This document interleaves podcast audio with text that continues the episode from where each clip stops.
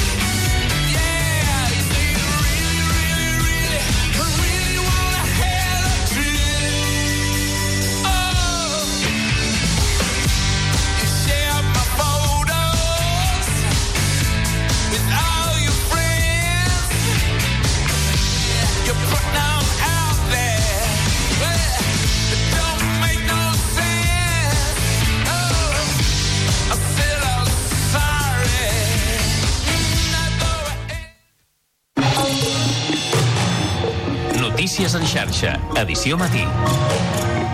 Amb Helena Puigdueta. Bon dia. El límit al preu dels lloguers entrarà en vigor a 140 municipis de Catalunya durant el mes vinent. Són les zones on el preu i l'accés als habitatges estan més tensionats i on resideix el 80% de la població. Amb la norma a la mà, el lloguer dels nous contractes no hauria de superar el preu del que tenien vigent els últims 5 anys i els grans tenidors no podran situar la mensualitat per damunt de l'índex de referència del carrer corresponent.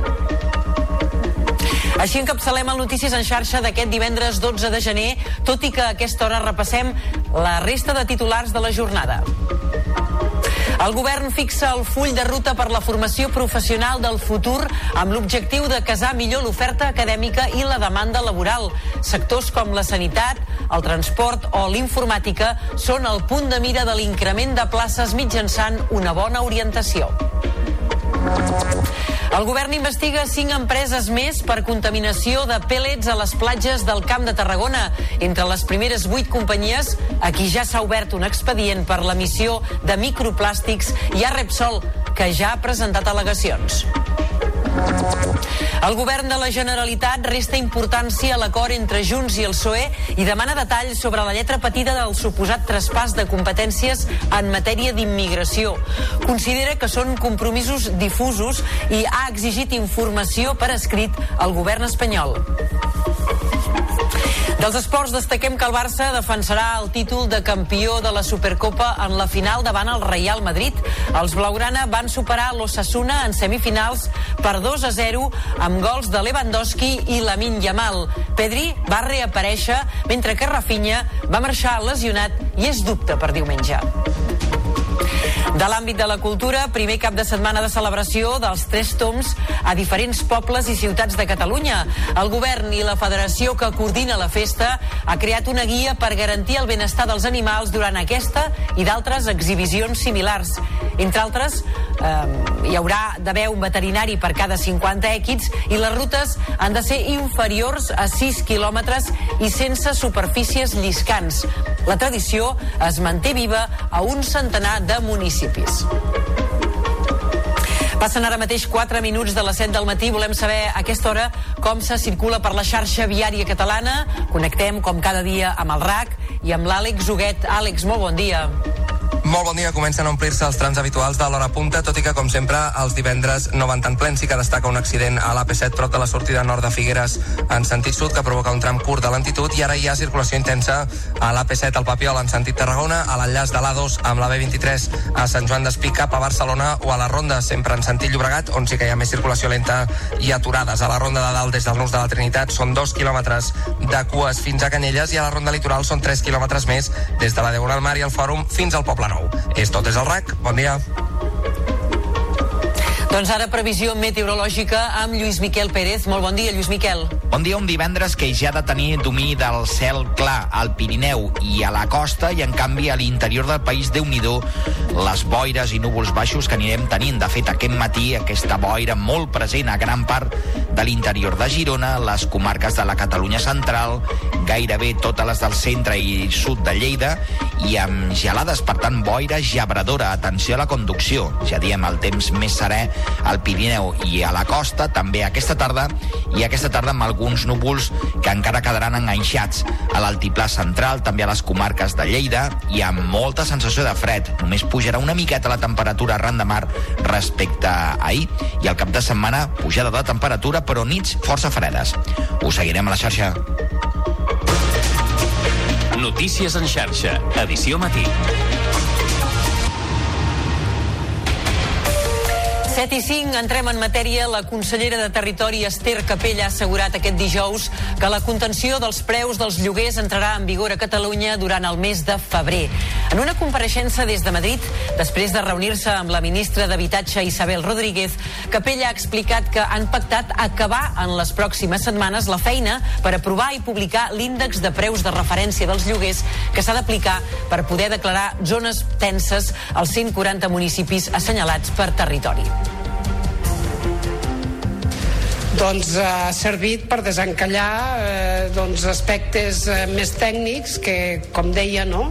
eh, doncs posar fil a l'agulla perquè s'acabin els treballs tècnics pel sistema d'índex eh, a la velocitat que toque i per fer efectiu eh, el compromís polític que reflecteix la llei de l'habitatge que es va aprovar eh, doncs al, al, a les càmeres parlamentàries En clau econòmica, avui també toca parlar de la farmacèutica Grífols perquè torna a caure en borsa, en concret un 16%.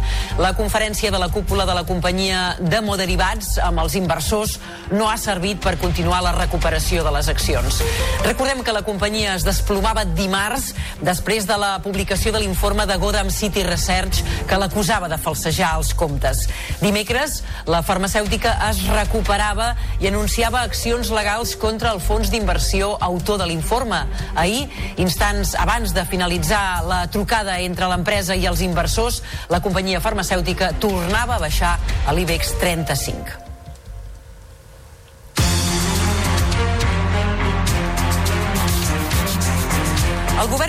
Dissenyat la formació professional del futur i ha establert les bases en l'anomenat Informe General de Prospectiva. És la nova ruta de la formació professional a Catalunya.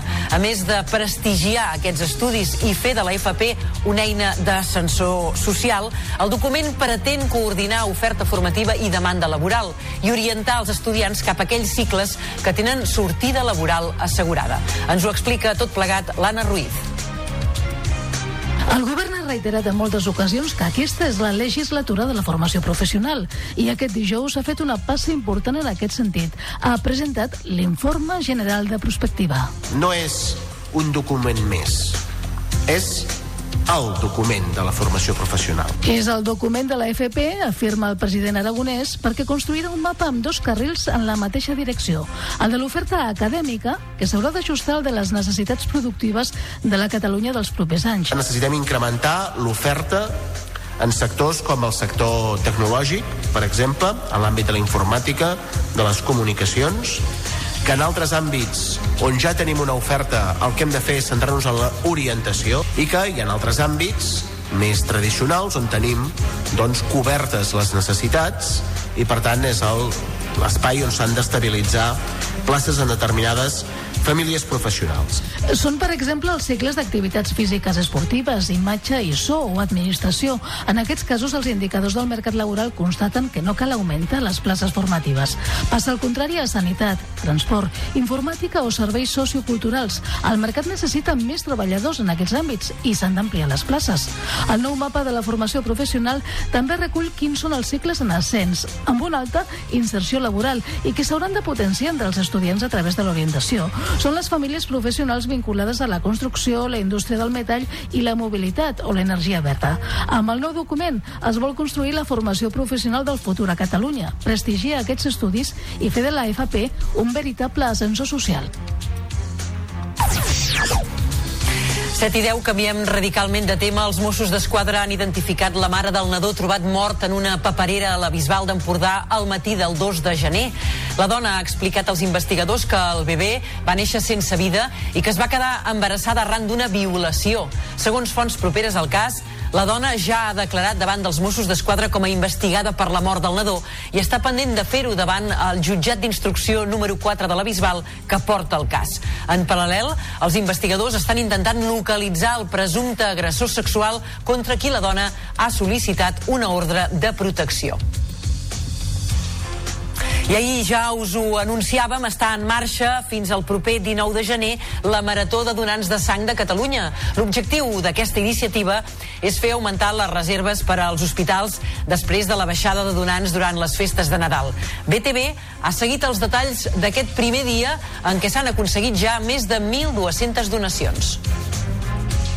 La campanya coincideix amb un moment complicat pel que fa a l'increment de casos de virus respiratoris, però el Banc de Sang i Teixits vol rebaixar l'alarma per evitar que donants aptes es quedin a casa.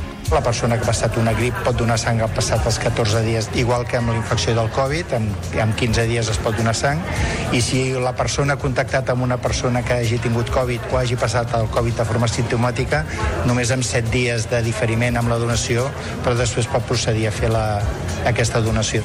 També es fa una crida especial a la donació de plasma, un material vital per a molts tractaments per les proteïnes que conté i del qual Catalunya no es pot abastir per si sola. Aquí al banc de sang no tenim capacitat per fraccionar el plasma i obtenir-ne els diferents components eh, proteics, però aquest plasma llavors el que tenim és diferents contractes amb la indústria farmacèutica perquè ells ho puguin processar i ens retornin part d'aquests elements que ells han purificat Al llarg del 2024 es volen assolir les 260.000 extraccions, un objectiu ambiciós però necessari tenint en compte que prop de 70.000 persones necessitaran una transfusió aquest 2024. Notícies en xarxa. Tota la informació al teu abast. L'acord entre Junts i el PSOE, que va permetre desbloquejar l'aprovació de dos decrets vitals per a l'executiu de Pedro Sánchez, ha aixecat polseguera a Catalunya. Des del govern català es resta importància al pacte i s'exigeix a Madrid concrecions sobre el traspàs de competències en immigració. Mentrestant, el PSC alerta que el més important és saber gestionar. David Navarro ens ho amplia. L'anunci que la Generalitat assumirà competències en immigració en base a l'acord entre Junts i el PSOE ha provocat un terrabastall en la política catalana. Així, la consellera de la presidència, Laura Vilagrà, ha remarcat que cal defugir els grans titulars. Per a Vilagrà, el més important és aconseguir acords concrets, quelcom que no veu en un pacte que qualifica de difús. No hi ha concreció, no hi ha lletra petita. És per això que hem exigit al govern de l'Estat conèixer aquesta lletra petita, saber exactament en què consistirà. Mentrestant, la portaveu del PSC, Alicia Romero, ha alertat que ara caldrà veure en què queda tot plegat. perquè competències en tenim moltes, tenim en seguretat, en tenim en educació, en tenim en sanitat i no en totes tenim una nota eh, que sigui satisfactòria, per tant no és una qüestió de tenir competències sinó de gestionar-les bé i amb els temes d'immigració a vegades hem escoltat a Junts per Catalunya fer declaracions que no van en la línia del que nosaltres voldríem. Segons el govern central, el traspàs de les competències en immigració es plasmarà en una llei orgànica i serà plenament constitucional. El Partit Popular també ha reaccionat a l'acord amb Junts. El seu president, Alberto Núñez Feijó, ha convocat una nova manifestació per al dia 28 d'aquest mes de gener per protestar contra el que qualifica d'extorsió. Feijó ha anunciat una ofensiva política, judicial i social contra el pacte amb Junts per Catalunya. El próximo 28 de enero volveremos a la calle. Y volveremos a la calle en un acto que concentraremos en Madrid para decir alto y claro que a este país no lo extorsiona nadie. Lo temíamos, pero ahora ya está probado que las cesiones serán ilimitadas durante la legislatura. A tot això, Carles Puigdemont és el líder preferit per ser el proper president de la Generalitat segons l'últim sondeig d'opinió de l'Institut de Ciències Polítiques i Socials. Aquest organisme, que depèn de la Diputació de Barcelona, apunta també que Esquerra Republicana seria primera en intenció de vot a Catalunya si es fessin unes eleccions al Parlament, seguida del PSC i de Junts. Ens ho explica la Carina Bellver. Segons aquest sondeig, Carles Puigdemont seria el líder preferit per ser el nou president de Catalunya pel 17% de l'electorat català, seguit del republicà Oriol Junqueras. Això mentre que l'actual president, Pere Aragonès, quedaria en quarta posició en el rànquing per darrere fins i tot del socialista Salvador Illa. És més, dins de l'electorat republicà prefereixen Puigdemont a Aragonès. El director de l'Institut de Ciències Polítiques i Socials explica que el reforç de Junts, l'únic que guanya en intenció de vot juntament amb Vox, es deu a la conjuntura política i al paper d'aquest partit en la negociació per la investidura de Pedro Sánchez. Escoltem Oriol Bartomeu. és un creixement que en part és, és no és que sigui fals sinó eh, el, el canvi tan bèstia de la conjuntura del 22 al 23 fa que el rebot sigui molt més gran, molt més evident L'enquesta també destaca que els homes joves entre 18 i 24 anys són els que estan més en contra del feminisme i de l'homosexualitat. Un 15% considera que ser gai és greu o molt greu, cinc cops més que la mitjana de la població. El sondeix també destaca un canvi en els motius contraris a la immigració. Si fa 30 anys era per motius econòmics, ara ho és per motius d'integració cultural.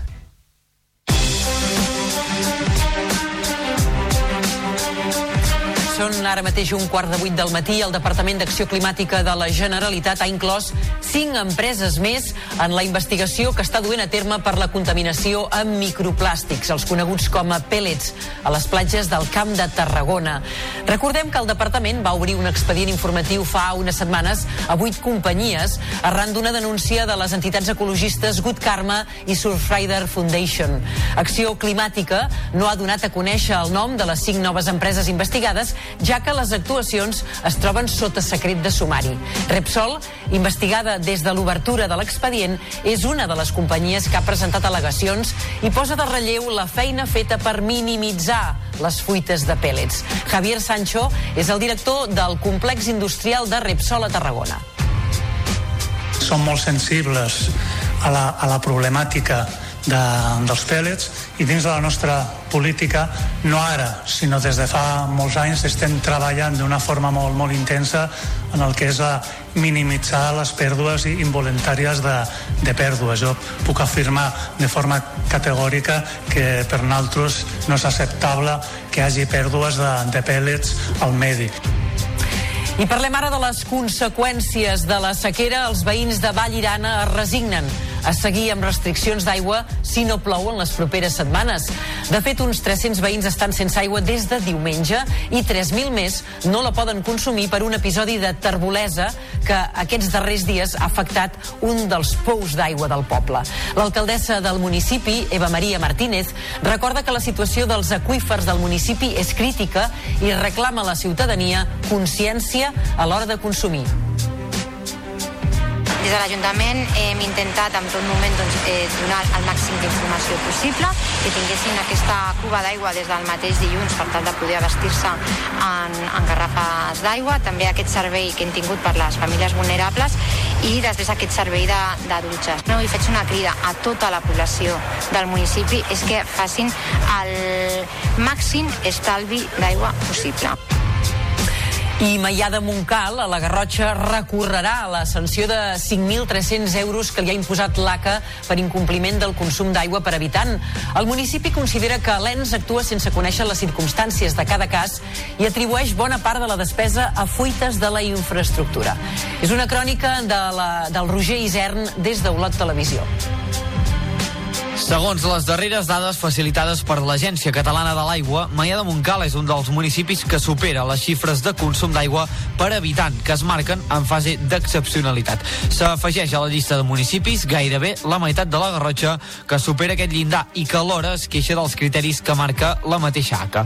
En una entrevista a Olot Televisió i Ràdio Olot, l'alcalde de Maià de Montcal, Tavi Casadevall, ha parlat sobre el tema. Explica que han rebut una sanció de 5.300 euros per part de l'ACA. Sí, presentat una, una sanció de 5.300 euros, és l'import total. Eh, hi ha una opció que és pagar-ho amb una reducció i hi ha una opció que és presentar al·legacions. Nosaltres presentarem al·legacions. L'Ajuntament de Maià de Montcal i l'ACA mantindran diverses converses en els propers dies per conèixer la resolució d'un recurs que pot tardar uns quants mesos. Des del consistori diuen que faran el possible per no haver de pagar una multa que qualifiquen de desproporcionada.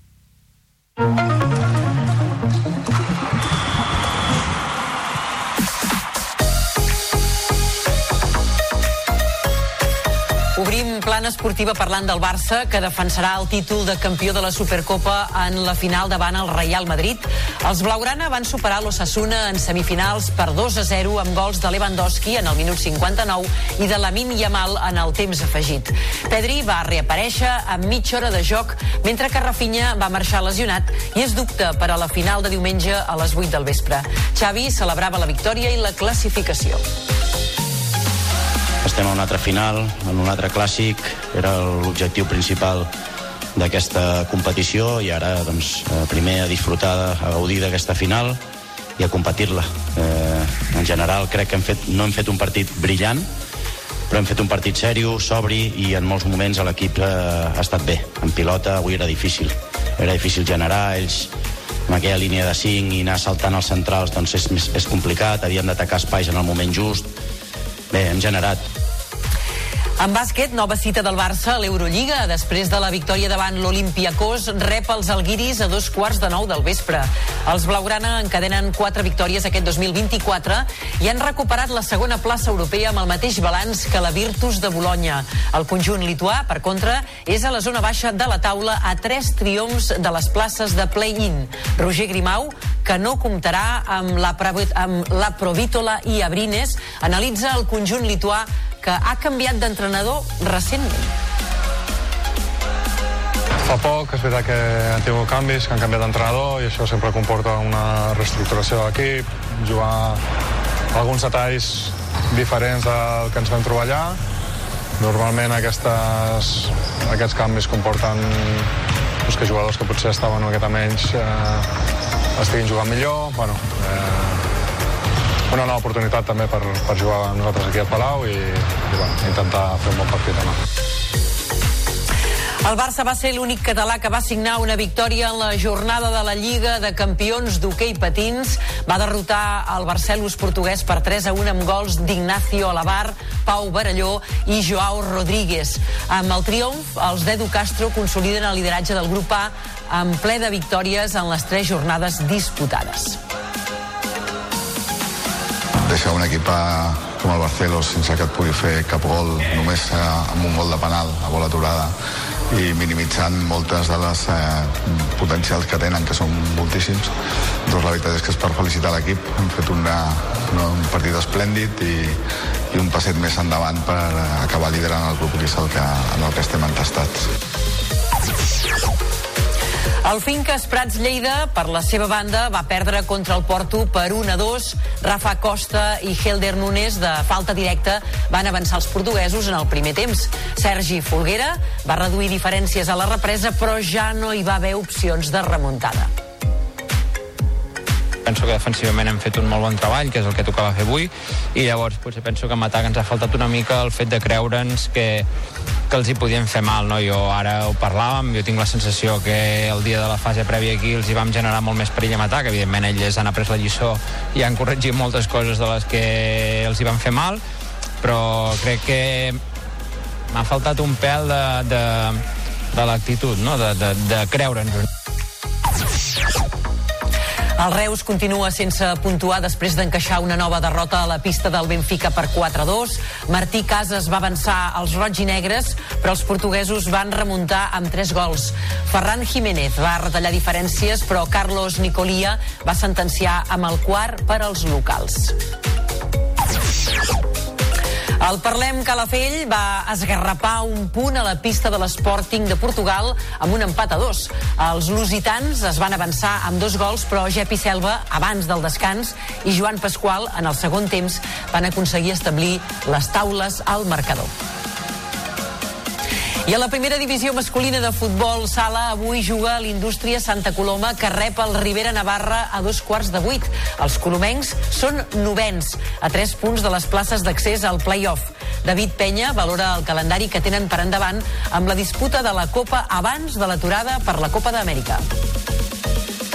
Este es un poco extraño por el tema parones y tal, pero bueno, la suerte que tenemos es que no tenemos que viajar fuera, tenemos dos partidos en casa y eso nos tiene que también que, que ayudar a conseguir los, los tres puntos mañana y el partido de Copa del Rey pasar la eliminatoria.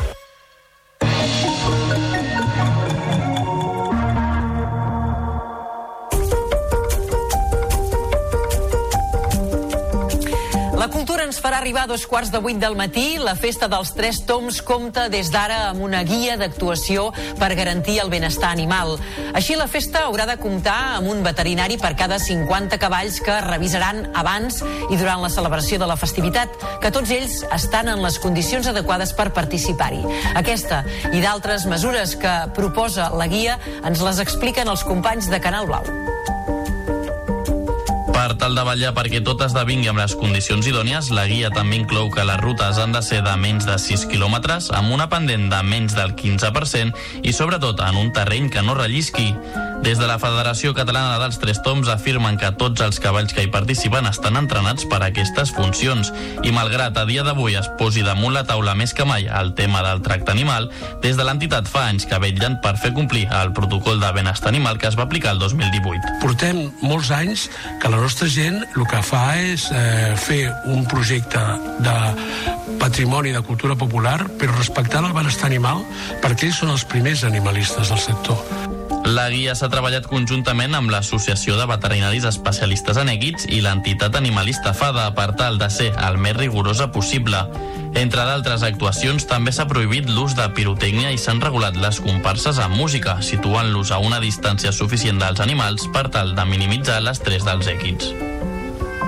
El True Crime protagonitzarà la dotzena edició del Tiana Negra amb prop d'una vintena d'activitats. El Festival de Novel·la Negra Catalana se celebrarà del 19 al 21 a diferents espais de Tiana. Des de Badalona, la Raquel Moreno ens ho amplia. El certamen donarà el tret de sortida amb una taula rodona amb els grans noms del gènere actual. Tura Soler, Narcís Verdalet, Jordi Grau i Fàtima Llambric presentaran les seves novetats literàries. També es donaran a conèixer els guanyadors del Premi Memorial Agustí Bahí, Vila de Tiana, i dels Premis Trajectòria a la Creació i la Traducció. Un dels plats forts de la programació d'enguany serà la taula rodona sobre el crim de la Guàrdia Urbana i la recreació de l'atracament a la Caixa l'any 1956 aquestes temàtiques d'actualitat de vegades faciliten també que sigui una porta d'entrada no? per, per entrar al festival a persones que potser li puguin fer una mica més de por, que de vegades fa respecte i l'altre és totes les activitats que fem al carrer. També hi destaca el gènere negre juvenil amb un club de lectura a la Biblioteca Municipal i diverses taules rodones, una d'elles sota el títol Els joves també negregen. Una de les autores, que és l'Ampar Fernández, ha fet un club de lectura a la Biblioteca de Can Baratau i després vindran al festival a fer preguntes a l'autora. El festival comptarà amb dues taules de novetats més, del passat al futur i la riquesa del gènere. I han inaugurat una placa commemorativa en reconeixement a Alicia de la Rocha en motiu del centenari del seu naixement. Està aquesta placa a l'Eixample de Barcelona, al carrer Còrsega 263, on va néixer la pianista i on va començar a llegir partitures. Considerada una de les pianistes més rellevants del segle XX, va ser alumna del compositor Frank Marshall, obrint-se camí en una època on el panorama musical estava dominat pels homes.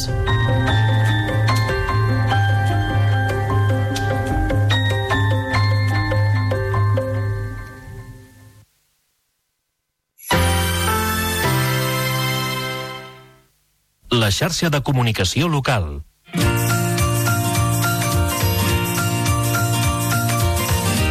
Gent del Som Terra. Hola, jo sóc la Sònia Morell, de Golmés, del Pla d'Urgell. Soc cofundadora de l'empresa Monoa. Monoa és una marca de roba laboral femenina que està especialitzada amb el mono, amb el mono un patró femení i amb obertura horitzontal pensada per les necessitats fisiològiques de, de la persona, sobretot de la dona. Vaig decidir que acabaria del banc per poder incorporar doncs, al negoci familiar, que era aquesta explotació de ramadera, no? que són, és una granja de porcs. Al segon dia de ser-hi vaig veure que sí, que la necessitat de la qual em parlava una amiga de tota la vida, la Montse Cardona, que és de Solsona, eh, doncs mm, era real, era una necessitat real, era una necessitat que jo la vaig viure en primera persona i vaig ser conscient de la problemàtica que hi havia. Vam crear doncs el, el mono femení, el mono, el mono amb obertura horitzontal, perquè la dona no faci falta que es quedi nua al carrer, que no fa falta que, que es vegi desprotegida i que pugui portar una peça de roba que sigui còmoda, estilosa, pràctica i adaptada a les seves necessitats. És així doncs com, com vam crear Monoa, no només serveix, és una peça de roba que serveix pel sector agrari o ramader, eh, sinó que és per totes aquelles dones i homes que necessitin doncs, a, aquesta peça tan funcional i pràctica. T'interessa el sector primari? Trobaràs el podcast del Som Terra al Territori Podcast de la xarxa Més.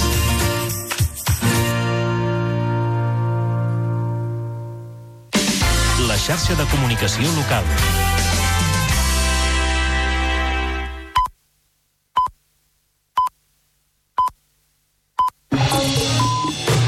Notícies en xarxa, edició matí. Amb Helena Puigdueta. Bon dia, són dos quarts de vuit del matí i avui encapçalem el Notícies en xarxa amb el límit al preu dels lloguers que entrarà en vigor a 140 municipis de Catalunya durant el mes vinent. Són les zones on el preu i l'accés als habitatges estan més tensionats i on resideix el 80% de la població. Amb la norma a la mà, el lloguer dels nous contractes no hauria de superar el preu del que tenien vigent els últims 5 anys i els grans tenidors no podran situar la mensualitat per damunt de l'índex de referència del carrer corresponent. De seguida us ho ampliem. Abans repassem més titulars d'aquest divendres 12 de gener. El govern fixa el full de ruta per la formació professional del futur amb l'objectiu de casar millor l'oferta acadèmica i la demanda laboral. Sectors com la sanitat, el transport o l'informàtica són el punt de mira de l'increment de places mitjançant una bona orientació. El govern investiga cinc empreses més per contaminació de pèl·lets a les platges del Camp de Tarragona. Entre les primeres vuit companyies, a qui ja s'ha obert un expedient per l'emissió de microplàstics, hi ha Repsol, que ja ha presentat al·legacions. D'aquesta problemàtica en parlem també, en parlarem, deia també d'aquí uns minuts, d'aquí uns instants, amb Albert Font de Rubinat, que és cofundador de l'empresa God Karma Projects, encarregada de netejar les platges de Tarragona. I el govern de la Generalitat resta importància a l'acord entre Junts i el PSOE i demana detalls sobre la lletra petita del suposat traspàs de competències en matèria d'immigració. Considera que són compromisos difusos i ha exigit informació per escrit al govern espanyol. Dels esports destaquem que el Barça defensarà el títol de campió de la Supercopa en la final davant el Real Madrid. Els blaugrana van superar l'Ossassuna en semifinals per 2 a 0 amb gols de Lewandowski i Lamin Yamal. Pedri va reaparèixer, mentre que Rafinha va marxar lesionat i es dubta per diumenge. I en cultura, primer cap de setmana de celebració dels Tres Toms a diferents pobles i ciutats de Catalunya, el govern i la federació que coordina la festa han creat una guia per garantir el benestar dels animals durant aquesta i altres exhibicions similars. Entre altres mesures, hi haurà la d'haver de, de, que hi hagi un veterinari per cada 50 èquids i les rutes han de ser inferiors a 6 quilòmetres i sense superfícies lliscants. La tradició es manté viva, però, a un centenar de municipis. Gairebé 3 minuts es que passen ara mateix de dos quarts de vuit del matí. Obrim plana de serveis amb el trànsit. Segons el RAC, les cues milloren a la ronda litoral de Barcelona, al tram de Montjuïc, després d'un accident que hi ha hagut aquest matí en sentit Besòs. En canvi, sí que hi ha problemes de circulació a l'AP7 per un altre accident a prop de la sortida de Figueres Nord.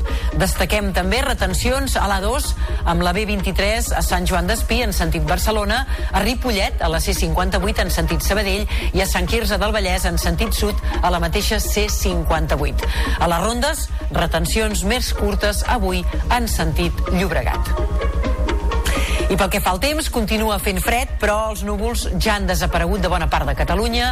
Hi haurà cel clar al Pirineu i a la costa aquest divendres i boira gebradora a l'interior. Per tant, atenció a la conducció. Les nits del cap de setmana seran més fredes. Notícies en xarxa, edició matí. Us ho dèiem suar en titulars, la consellera de Territori Esther Capella ha assegurat aquest dijous que la contenció dels preus dels lloguers entrarà en vigor a Catalunya durant el mes de febrer. En una compareixença des de Madrid, després de reunir-se amb la ministra d'Habitatge Isabel Rodríguez, Capella ha explicat que han pactat acabar en les pròximes setmanes la feina per aprovar i publicar l'índex de preus de referència dels lloguers que s'ha d'aplicar per poder declarar zones tenses als 140 municipis assenyalats per territori doncs, ha servit per desencallar eh, doncs, aspectes eh, més tècnics que, com deia, no? eh, doncs, posar fil a l'agulla perquè s'acabin els treballs tècnics pel sistema d'índex eh, a la velocitat que toque i per fer efectiu eh, el compromís polític que reflecteix la llei de l'habitatge que es va aprovar eh, doncs, al, a, a, a les càmeres parlamentàries de la plana econòmica avui hem de tornar a parlar de la farmacèutica Grífols que torna a caure en borsa, en concret un 16%. La conferència de la cúpula de la companyia Demo Derivats amb els inversors no ha servit per continuar la recuperació de les accions. Recordem que la companyia es desplomava dimarts després de la publicació de l'informe de Godam City Research que l'acusava de falsejar els comptes. Dimecres, la farmacèutica es recuperava i anunciava accions legals contra el fons d'inversió autor de l'informe forma. Ahir, instants abans de finalitzar la trucada entre l'empresa i els inversors, la companyia farmacèutica tornava a baixar a l'IBEX 35.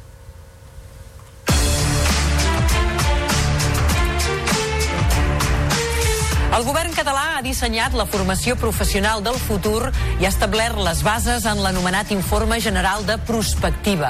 És la nova ruta de la formació professional a Catalunya. A més de prestigiar aquests estudis i fer de la FP una eina d'ascensor social, el document pretén coordinar oferta formativa i demanda laboral i orientar els estudiants cap a aquells cicles que tenen major sortida laboral o una sortida laboral assegurada. Ens ho amplia ara l'Anna Ruiz. El govern ha reiterat en moltes ocasions que aquesta és la legislatura de la formació professional i aquest dijous ha fet una passa important en aquest sentit. Ha presentat l'Informe General de Prospectiva. No és un document més, és el document de la formació professional. És el document de la FP, afirma el president aragonès, perquè construirà un mapa amb dos carrils en la mateixa direcció. El de l'oferta acadèmica, que s'haurà d'ajustar al de les necessitats productives de la Catalunya dels propers anys. Necessitem incrementar l'oferta en sectors com el sector tecnològic, per exemple, en l'àmbit de la informàtica, de les comunicacions, que en altres àmbits on ja tenim una oferta el que hem de fer és centrar-nos en l'orientació i que hi ha altres àmbits més tradicionals on tenim doncs, cobertes les necessitats i per tant és l'espai on s'han d'estabilitzar places en determinades famílies professionals. Són, per exemple, els cicles d'activitats físiques esportives, imatge i so o administració. En aquests casos, els indicadors del mercat laboral constaten que no cal augmentar les places formatives. Passa al contrari a sanitat, transport, informàtica o serveis socioculturals. El mercat necessita més treballadors en aquests àmbits i s'han d'ampliar les places.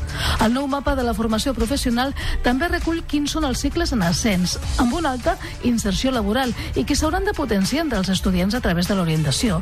Són les famílies professionals vinculades a la construcció, la indústria del metall i la mobilitat o l'energia verda. Amb el nou document es vol construir la formació professional del futur a Catalunya, prestigiar aquests estudis i fer de la FP un veritable ascensor social. Encara en l'àmbit educatiu abordem ara una qüestió que preocupa estudiants i administració com és l'assetjament sexual a les universitats. El conseller de Recerca i Universitats, Joaquim Nadal, s'hi ha referit en una entrevista a la televisió de Girona on ha destacat el nou protocol engegat pel govern per combatre-ho i assegurar els drets de les víctimes i també dels presumptes assetjadors fins que no hi hagi judici. És una crònica de Cebes Veí.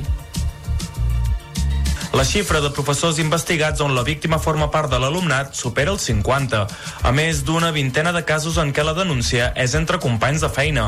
Per això, des de la Generalitat s'ha impulsat un protocol per preveure i tractar tots aquests casos. Hem, conjuntament amb el Departament d'Igualtat i Feminismes, eh, presentat a les universitats perquè l'adoptin un protocol guia d'actuacions en casos d'assetjament. El que es tracta és de respondre els casos amb diligència deguda i amb garanties per les víctimes. El conseller assegura que s'ha avançat molt en aquest àmbit i que amb el protocol guia s'està molt més preparat per afrontar casos que puguin sortir a partir d'ara. Doncs segon dia en marxa i fins al proper 19 de gener de la Marató de Donants de Sang de Catalunya. L'objectiu, ho recordareu, d'aquesta iniciativa és fer augmentar les reserves per als hospitals després de la baixada de donants durant les festes nadalenques. BTV ha seguit els detalls d'un primer dia en què s'han aconseguit més de 1.200 donacions. La campanya coincideix amb un moment complicat pel que fa a l'increment de casos de virus respiratoris, però el Banc de Sang i Teixits vol rebaixar l'alarma per evitar que donants aptes es quedin a casa.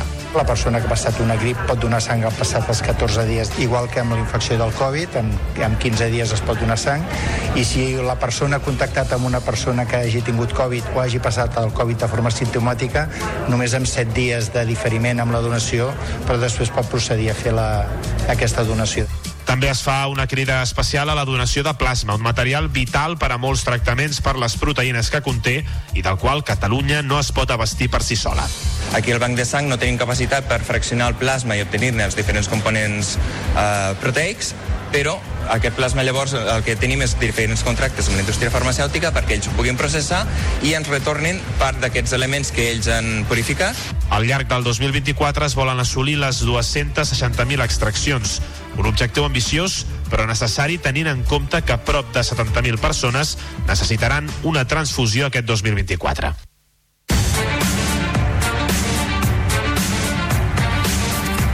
Minuts arribarem a 3 quarts de 8 del matí l'acord entre Junts i el PSOE que va permetre desbloquejar l'aprovació de dos decrets vitals per a l'executiu de Pedro Sánchez ha aixecat polseguera a Catalunya. Des del govern català es resta importància al pacte i s'exigeix a Madrid concrecions sobre el traspàs de competències en immigració. Mentrestant, el PSC alerta que el més important és saber gestionar. David Navarro ens ho explica. L'anunci que la Generalitat assumirà competències en immigració en base a l'acord entre Junts i el PSOE ha provocat un terrabastall en la política catalana.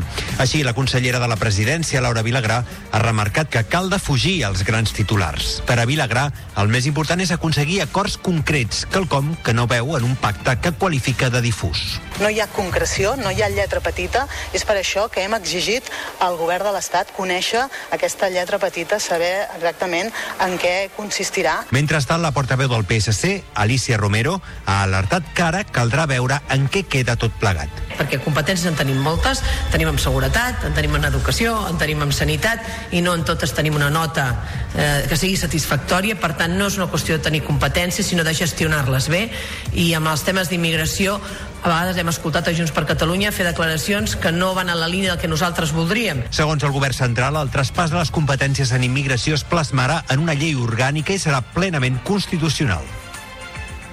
El Partit Popular també ha reaccionat a l'acord amb Junts. El seu president, Alberto Núñez Feijó, ha convocat una nova manifestació per al dia 28 d'aquest mes de gener per protestar contra el que qualifica d'extorsió.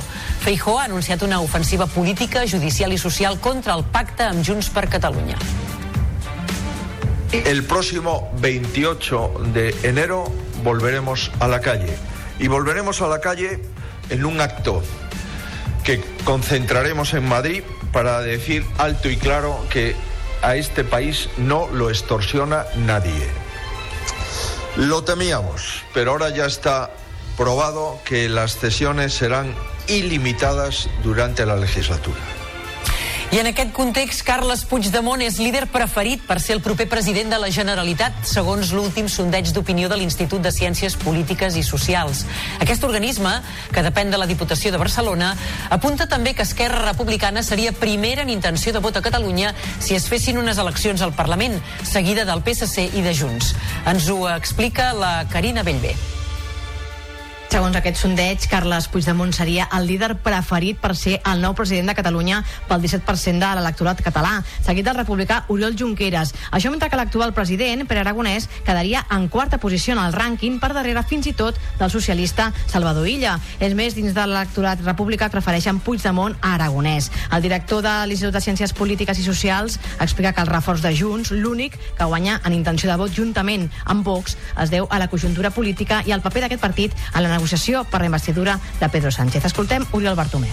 És un creixement que en part és, eh, és no és que sigui fals, sinó eh, el, el canvi tan bèstia de la conjuntura del 22 al 23 fa que el rebot sigui molt més gran, molt més evident. L'enquesta també destaca que els homes joves entre 18 i 24 anys són els que estan més en contra del feminisme i de l'homosexualitat. Un 15% considera que ser gai és greu o molt greu, cinc cops més que la mitjana de la població. El sondeix també destaca un canvi en els motius contraris a la immigració. Si fa 30 anys era per motius econòmics, ara ho és per motius d'integració cultural.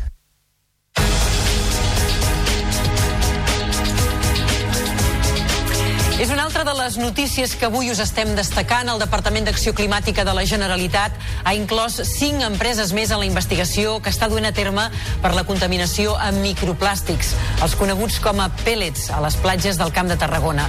De tot plegat en volem parlar ara mateix amb Albert Font de Rubinat, cofundador de la plataforma Good Karma Projects, entitat ambiental que fa com a mínim sis anys que treballa netejant les platges de Tarragona i denunciant aquesta situació. Senyor Font de Rubinat, bon dia i gràcies per atendre'ns. Bon dia, bon dia.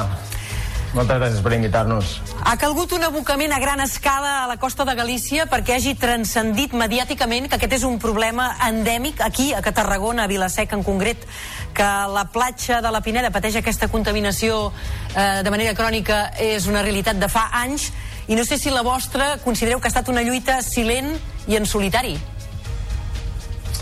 Sí, correcte. Ha sigut una, com deies, com molt bé deies, portem sis anys eh, fent visible i denunciant aquesta contaminació, aquesta problemàtica, i han sigut sis anys de, de molta feina per tirar endavant, no? que es posi l'interès, les mesures i una regulació, que és el que des de l'inici hem demanat, d'aquesta contaminació, i com també bé deies, ha calgut pues, aquest gran accident, no? algo molt visual que s'ha polititzat, i això és el que li està donant també molta visibilitat, per, perquè se, se li pari atenció, no dic que per posar mesures, perquè ara és el que hem de veure, no? si realment arrel, arrel d'aquest accident eh, estem disposats a fer alguna cosa. La Generalitat, ho dèiem ara, ha expedientat per ara 13 empreses per contaminar. No sé com ho valoreu, i ho dic perquè l'Ajuntament de Vilaseca, en concret el seu alcalde, eh, no sembla estar gaire satisfet. Eh, acusa una mica la Generalitat d'ignorar-los i de sentir-se desemparats.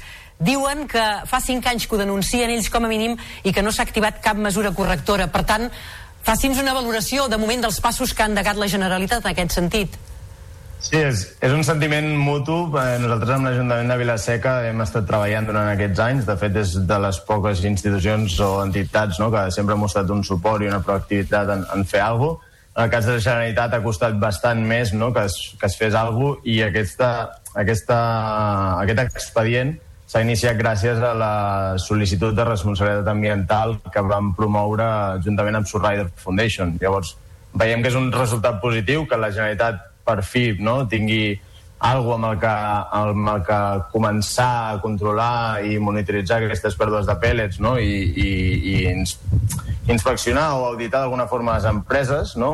una mica unes eines, però lògicament venen tard, són benvingudes, lògicament, i esperem que, que això porti a, a, lo, a lo que seguim repetint, una regulació que al final és el que impedirà que, que, que es verteixin aquests contaminants al medi. Hem parlat molt de Vilaseca i de la platja de la Pineda. Entenc que hi ha més afectació. No sé si hi ha altres ajuntaments que ja ho hagin denunciat, que s'hagin posat les piles, que us hagin posat en coneixement i de, i de si feu un front comú entre tots plegats. Clar, a, Vila, a Vilaseca el que passa és que tenim el polígon petroquímic més gran del sud d'Europa. I ahir és on es, es produeixen cada any dos milions de tonelades d'aquests pèl·lets i per tant és un punt on es concentra no, una gran part de les pèrdues de la cadena de valor i les platges més properes a les desembocadores dels rius i les rieres, que és per on baixen aquests pèl·lets, no? venen de les fàbriques, del transport, de, dels transformadors, eh, són les més afectades directament però també sabem que els pèl·lets, que són microplàstics, que molts d'ells floten, alguns altres se'ls poden enfonsar, o sigui, sabem que hi ha una gran part mm, en el fons marí, però tots aquests que floten poden arribar a qualsevol platja a Catalunya, igual que a qualsevol platja del món, com estem veient no? Galícia, no? Que, que anirem trobant aquests pèl·lets per tot arreu. Doncs Albert Font de Rubinat, cofundador de la plataforma Good Karma Projectes, gràcies per atendre'ns, bon dia, i això, pendents de si finalment es posa fil a l'agulla amb aquesta regulació específica per a aquests microplàstics tan contaminants i que fan tant de mal al medi ambient. Gràcies i bon dia. I tant, moltes gràcies.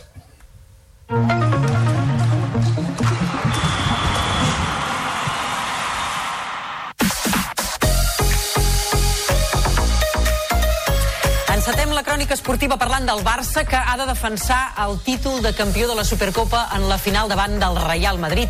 Els blaugrana van superar l'Ossassuna en semifinals per 2 a 0 amb gols de Lewandowski i en el minut 59 i també de Lamin Yamal en el temps afegit. Pedri va reaparèixer amb mitja hora de joc mentre que Rafinha va marxar lesionat i és dubte per a la final de diumenge a les 8 del vespre.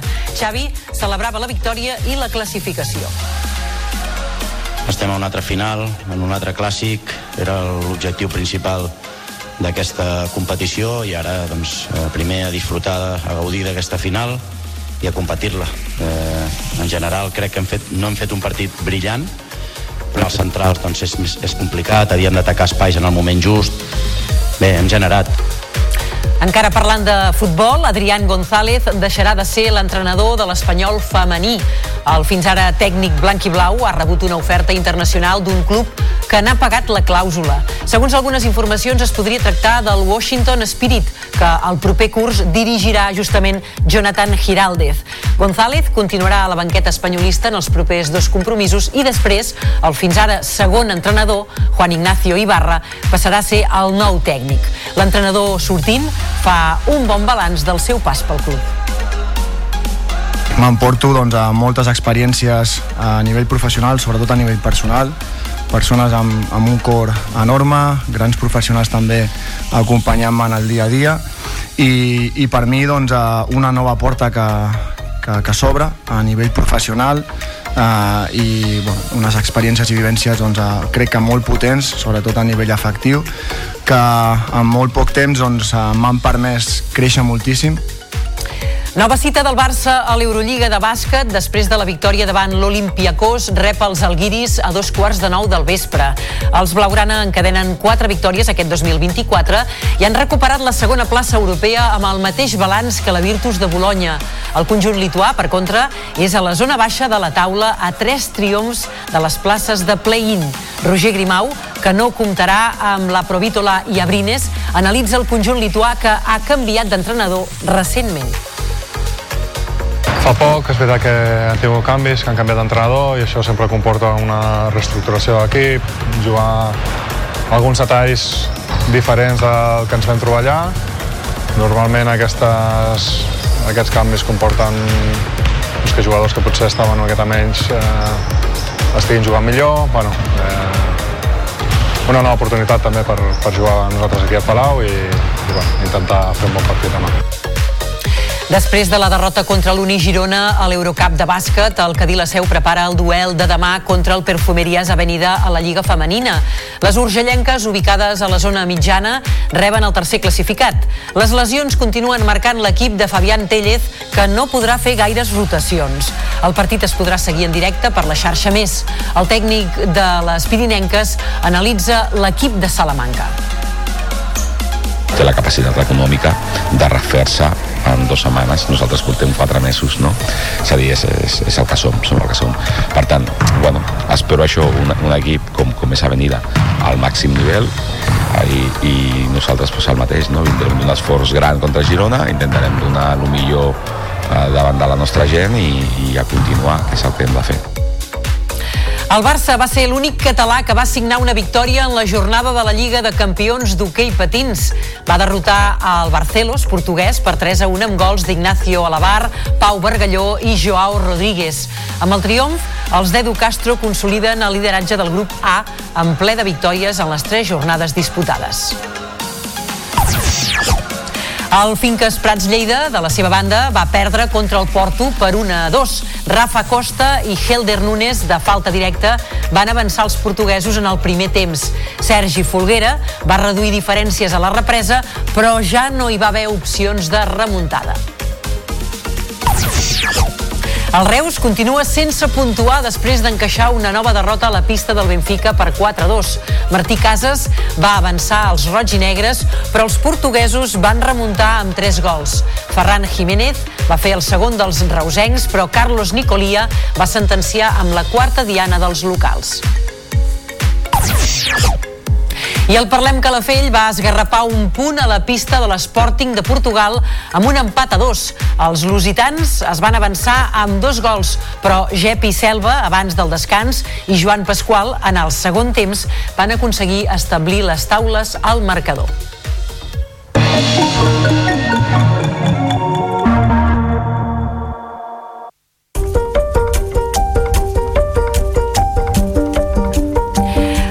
Setmana ja comencen algunes de les cercaviles de la Festa dels Tres Toms, que compta des d'ara amb una guia d'actuació per garantir el benestar animal. Aquesta i d'altres mesures que proposa la guia ens les expliquen els companys de Canal Blau.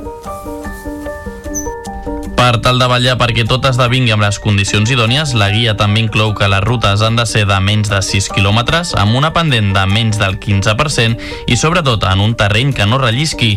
Des de la Federació Catalana dels Tres Toms afirmen que tots els cavalls que hi participen estan entrenats per a aquestes funcions i malgrat a dia d'avui es posi damunt la taula més que mai el tema del tracte animal, des de l'entitat fa anys que vetllen per fer complir el protocol de benestar animal que es va aplicar el 2018. Portem molts anys que la nostra gent el que fa és eh, fer un projecte de patrimoni de cultura popular però respectant el benestar animal perquè ells són els primers animalistes del sector.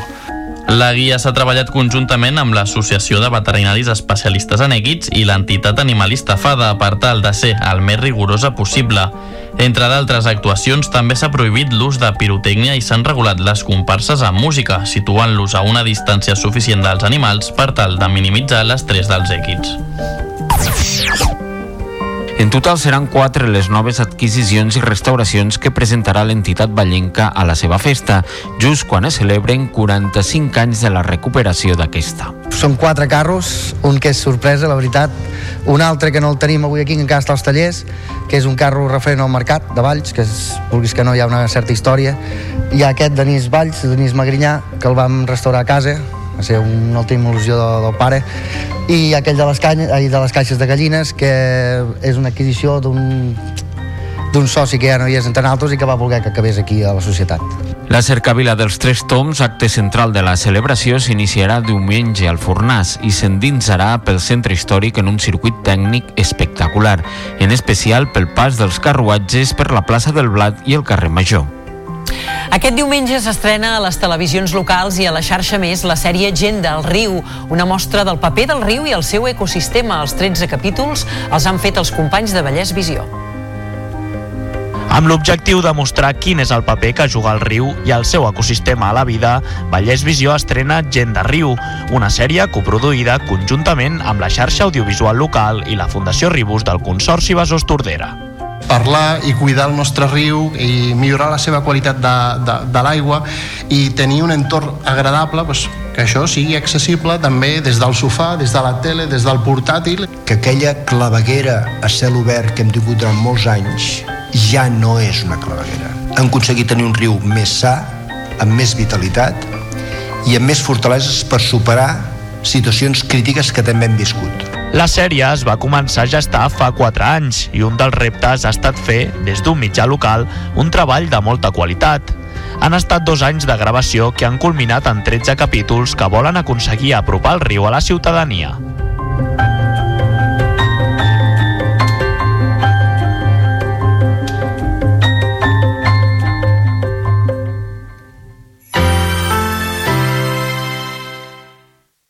La xarxa de comunicació local.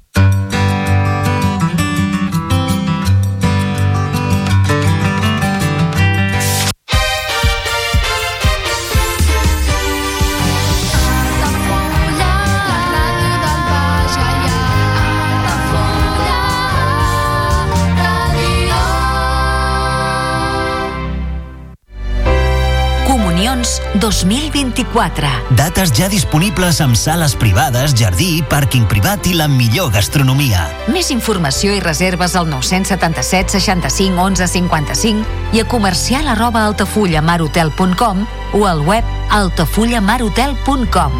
Les teves celebracions familiars a l'Altafulla Mar Hotel.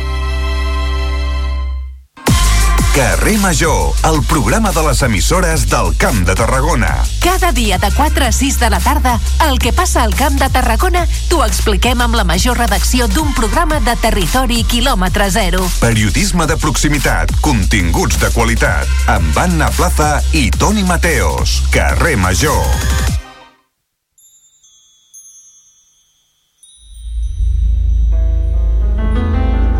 Right, this next band is from Barcelona. It's in Catalonia, okay? And they're going to come and entertain you and make you dance and sing all night long. So please, big a big, big welcome to Charango. Saltarem la ciutat de les tristos. Respirarem el fum del poble i l'aire dels senyors. Hem traficat somnis i una il·lusió. L'esperança lluny d'aquí, 40 lladres s'han repartit al món. Assaltarem la ciutat de Notícies en xarxa, edició matí. Amb Helena Puigdueta. Bon dia. Límit al preu dels lloguers entrarà en vigor a 140 municipis de Catalunya durant el mes vinent. Són les zones on el preu i l'accés als habitatges estan més tensionats i on resideix el 80% de la població. Amb la norma a la mà, el lloguer dels nous contractes no hauria de superar el preu del que tenien vigent els últims 5 anys. I els grans tenidors no podran situar la mensualitat per damunt de l'índex de referència del carrer corresponent.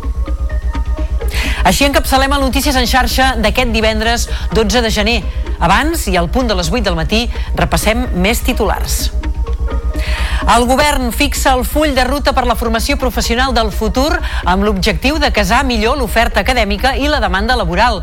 Sectors com la sanitat, el transport o l'informàtica són el punt de mira de l'increment de places mitjançant una bona orientació.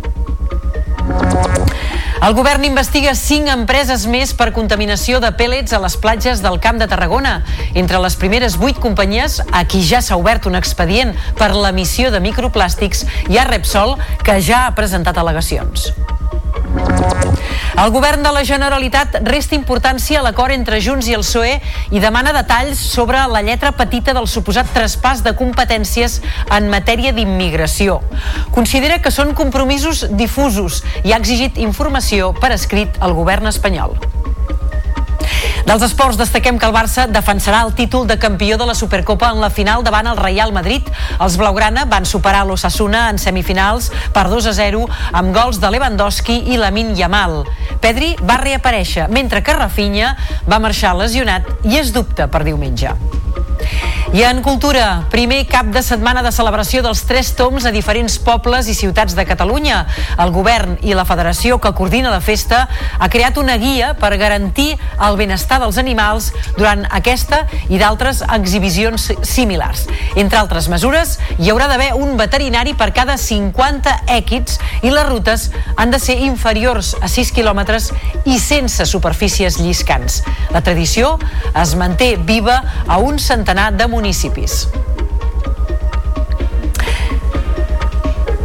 Dos minuts i mig els que passen ara mateix de les 8 del matí. Eh, Volem saber a aquesta hora, hora punta, com se circula per la xarxa viària catalana, si hi ha gaires incidències. Per això connectem amb el Servei Català de Trànsit i ho preguntem a la Marta Carbó. Marta, molt bon dia.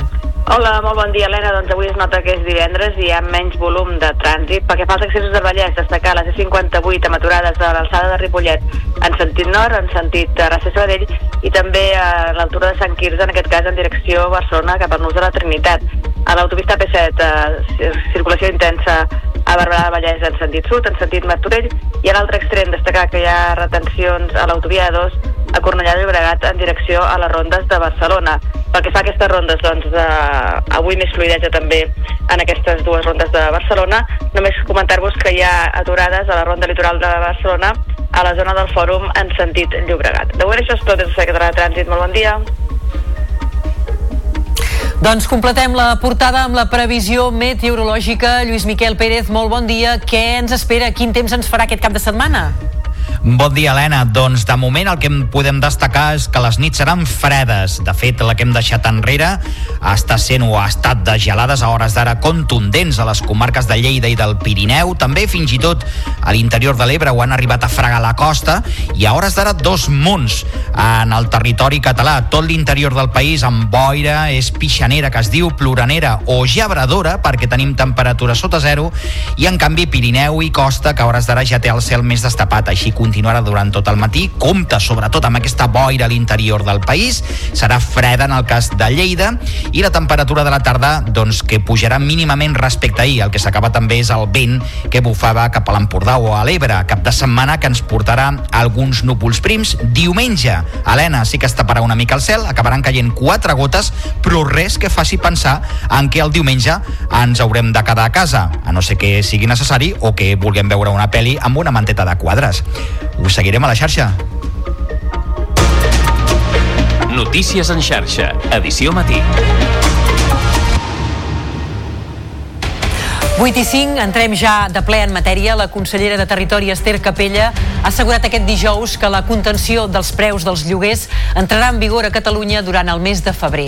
En una compareixença des de Madrid, després de reunir-se amb la ministra d'Habitatge Isabel Rodríguez, Capella ha explicat que han pactat acabar en les pròximes setmanes la feina per aprovar i publicar l'índex de preus de referència dels lloguers que s'ha d'aplicar per poder declarar zones tenses als 140 municipis assenyalats per territori doncs, ha servit per desencallar eh, doncs, aspectes eh, més tècnics que, com deia, no? eh, doncs, posar fil a l'agulla perquè s'acabin els treballs tècnics pel sistema d'índex eh, a la velocitat que toca i per fer efectiu eh, el compromís polític que reflecteix la llei de l'habitatge que es va aprovar eh, doncs, al, a les càmeres parlamentàries doncs de la posada en marxa d'aquesta regulació dels lloguers al mes de febrer en volem parlar amb Carme Arcarazo. Ell és portaveu del sindicat de llogateres. Senyora Arcarazo, bon dia i gràcies per atendre'ns. Hola, molt bon dia. Ha costat molts mesos, però sembla que finalment aquesta regulació dels preus ara sí que sí està a tocar. Com ho valoreu des del sindicat? Bé, com deies, fa molts mesos, no? Vull recordar que va ser el 2019 quan el PSOE es va comprometre a regular els lloguers. Això en ciutats com Barcelona ha suposat que des de llavors els lloguers han pujat un 18% i en, en la globalitat de Catalunya han pujat un 13%. Per tant, durant aquest, durant aquest temps els lloguers han seguit pujant. Eh, ara fa 8 mesos que es va aprovar la llei d'habitatge i un cop més hem hagut d'esperar 8 mesos a que, a que sembla que entrarà en vigor la regulació. Ara bé, és una molt bona notícia que entri en vigor. Eh, crec que això suposarà mm, oxigen per milers de famílies que viuen cada mes angoixades per si els pujarà el lloguer o no. I per tant, eh, s'ha de celebrar. Ara bé, eh, encara hi ha molts serrells inacabats d'aquesta norma com per exemple és l'índex, no? Eh, uh -huh. Sabem que no, no es farà servir l'índex català, l'índex que ja existia a Catalunya, i que se n'està acabant de desenvolupar un amb l'Estat. I això per què és rellevant? Perquè l'índex és la guia que marcarà els nous preus que entrin al mercat i també el que marcarà fins a on han de baixar els preus dels lloguers. I per tant, eh, ens temem que aquest índex no acabi de ser eh, prou rigorós perquè real, efectivament faci punxar la bombolla. En qualsevol cas, està clar que estareu, estareu pendents d'aquesta lletra petita de l'índex. Una limitació, la dels preus de lloguer, que s'aplicarà en principi als 140 municipis eh, que la Generalitat considera que són més tensionats i gairebé tots estan a Barcelona o la seva àrea metropolitana. Eh, no sé si creieu que aquesta llista hauria d'incloure altres zones del país, entenent una mica el que ens comentava vostè ara, que els preus de lloguer han pujat de manera generalitzada a gairebé tot Catalunya. Eh, No sé si creieu que la mesura això o s'hauria d'aplicar a més zo- zones del país o hauria de ser una qüestió generalitzada a tot Catalunya, encara que cada zona tingués uns llindars diferents. Bé, ja hi ha municipis que des del dia d'ahir eh, se n'han adonat que no formen part de l'àrea tensionada i que eh, demanaran en els propers mesos també voler entrar, no? Eh, pot haver, evidentment, municipis que no estiguin rebent eh, pressió, però en tot cas són una gran majoria. Jo crec que aquí el que hauran de fer els alcaldes és sobretot escoltar els ciutadans, no? Eh, com comentava, ahir hi havia un parell de, de municipis on hi havia gent dient eh, com pot ser que això no formi part de l'àrea tensionada. Llavors, eh, tant els ajuntaments com la Generalitat crec que hauran de ser molt sensibles a aquest tipus de demandes. Perquè, sobretot dins de l'àrea metropolitana, mmm, la totalitat de l'àrea metropolitana està en un moment d'alta tensió i per tant és una mica incomprensible que hi ha municipis de la, de la pròpia àrea metropolitana que no hagin entrat. Senyora eh, Arcarazo, però en tot cas, Digui, digui. però en tot cas, la, la llei afecta un 80% dels catalans eh, i per tant sí que confiem que 140 és un, un bon número del, des del qual començar. Molt bé, un, un bon número de partida. Uh, senyora Arcarazo, acabo ja. Aprofitant que s'acaba, que molts uh, llogaters acaben el contracte potser ara, aquest mes de gener, i que uh, tenint en compte que encara no ha entrat en vigor la limitació, temen vostès que hi hagi un increment de pujades uh, abusives per part d'aquests llogaters o d'algunes agències immobiliàries? Temen això? Sí, eh, això que s'ha fet d'anunciar l'entrada en vigor entre tres setmanes i un mes abans de que realment passi eh, és una mica temerós, perquè el que pensem és que nosaltres, o sigui, el que pensem és que hi haurà moltes immobiliàries, especuladors que començaran a apretar els llogaters perquè firmin pujades per fer-los fora del pis abans no entri en vigor la regulació. I per això des d'aquí fem un crit a tots els llogaters que estiguin angoixats, que tinguin dubtes, que es troben en una situació on estiguin sent pressionats, que s'acostin al sindicat de llogateres.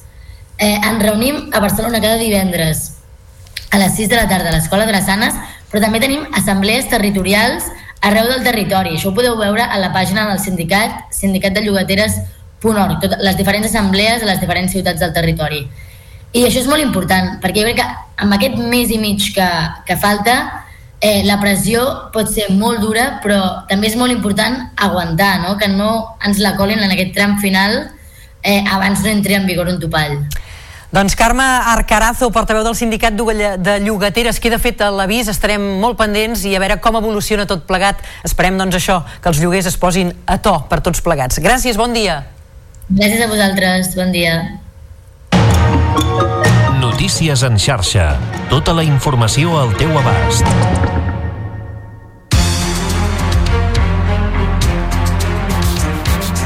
Vuit i 11, seguim amb el nostre relat informatiu, ara per explicar-vos que el govern català ha dissenyat la formació professional del futur i ha establert les bases en l'anomenat Informe General de Prospectiva. És la nova ruta de la formació professional a Catalunya. A més de prestigiar aquests estudis i fer de la FP una eina d'ascensor social, el document pretén coordinar oferta formativa i demanda laboral i orientar els estudiants cap a aquells cicles que tenen sortida laboral assegurada. És una crònica de l'Anna Ruiz.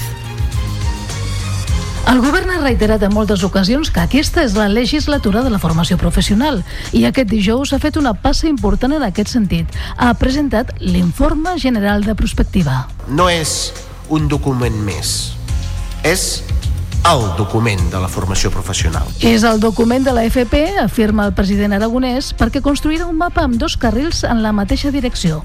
El de l'oferta acadèmica, que s'haurà d'ajustar al de les necessitats productives de la Catalunya dels propers anys. Necessitem incrementar l'oferta en sectors com el sector tecnològic, per exemple, en l'àmbit de la informàtica, de les comunicacions, Sanitat, transport, informàtica o serveis socioculturals. El mercat necessita més treballadors en aquests àmbits i s'han d'ampliar les places. El nou mapa de la formació professional també recull quins són els cicles en ascens, amb una alta inserció laboral i que s'hauran de potenciar entre els estudiants a través de l'orientació. Són les famílies professionals vinculades a la construcció, la indústria del metall i la mobilitat o l'energia verda. De la plana políticament estricta o estrictament política parlem de l'acord entre Junts i el PSOE que va permetre desbloquejar l'aprovació de dos decrets vitals per a l'executiva de Pedro Sánchez, que ha aixecat polseguera a casa nostra, a Catalunya. Des del govern català es resta importància al pacte i s'exigeix a Madrid concrecions sobre el traspàs de competències en immigració. Mentrestant, el PSC alerta que el més important és saber gestionar. És la crònica ara de David Navarro. L'anunci que la Generalitat assumirà competències en immigració en base a l'acord entre Junts i el PSOE ha provocat un terrabastall en la política catalana. Així, la consellera de la presidència, Laura Vilagrà, ha remarcat que cal defugir els grans titulars. Per a Vilagrà, el més important és aconseguir acords concrets, quelcom que no veu en un pacte que qualifica de difús. No hi ha concreció, no hi ha lletra petita, és per això que hem exigit al govern de l'Estat conèixer aquesta lletra petita, saber exactament en què consistirà. Mentrestant, la portaveu del PSC, Alicia Romero, ha alertat que ara caldrà veure en què queda tot plegat. perquè competències en tenim moltes, tenim en seguretat, en tenim en educació, en tenim en sanitat i no en totes tenim una nota eh, que sigui satisfactòria, per tant no és una qüestió de tenir competències sinó de gestionar-les bé. I amb els temes d'immigració a vegades hem escoltat a Junts per Catalunya fer declaracions que no van en la línia del que nosaltres voldríem. Segons el govern central, el traspàs de les competències en immigració es plasmarà en una llei orgànica i serà plenament constitucional. El Partit Popular també ha reaccionat a l'acord amb Junts. El seu president, Alberto Núñez Feijó, ha convocat una nova manifestació per al dia 28 d'aquest mes de gener per protestar contra el que qualifica d'extorsió. Feijó ha anunciat una ofensiva política, judicial i social contra el pacte amb Junts per Catalunya. El próximo 28 de enero volveremos a la calle y volveremos a la calle en un acto que concentraremos en Madrid para decir alto y claro que a este país no lo extorsiona nadie. Lo temíamos, pero ahora ya está probado que las cesiones serán ilimitadas durante la legislatura.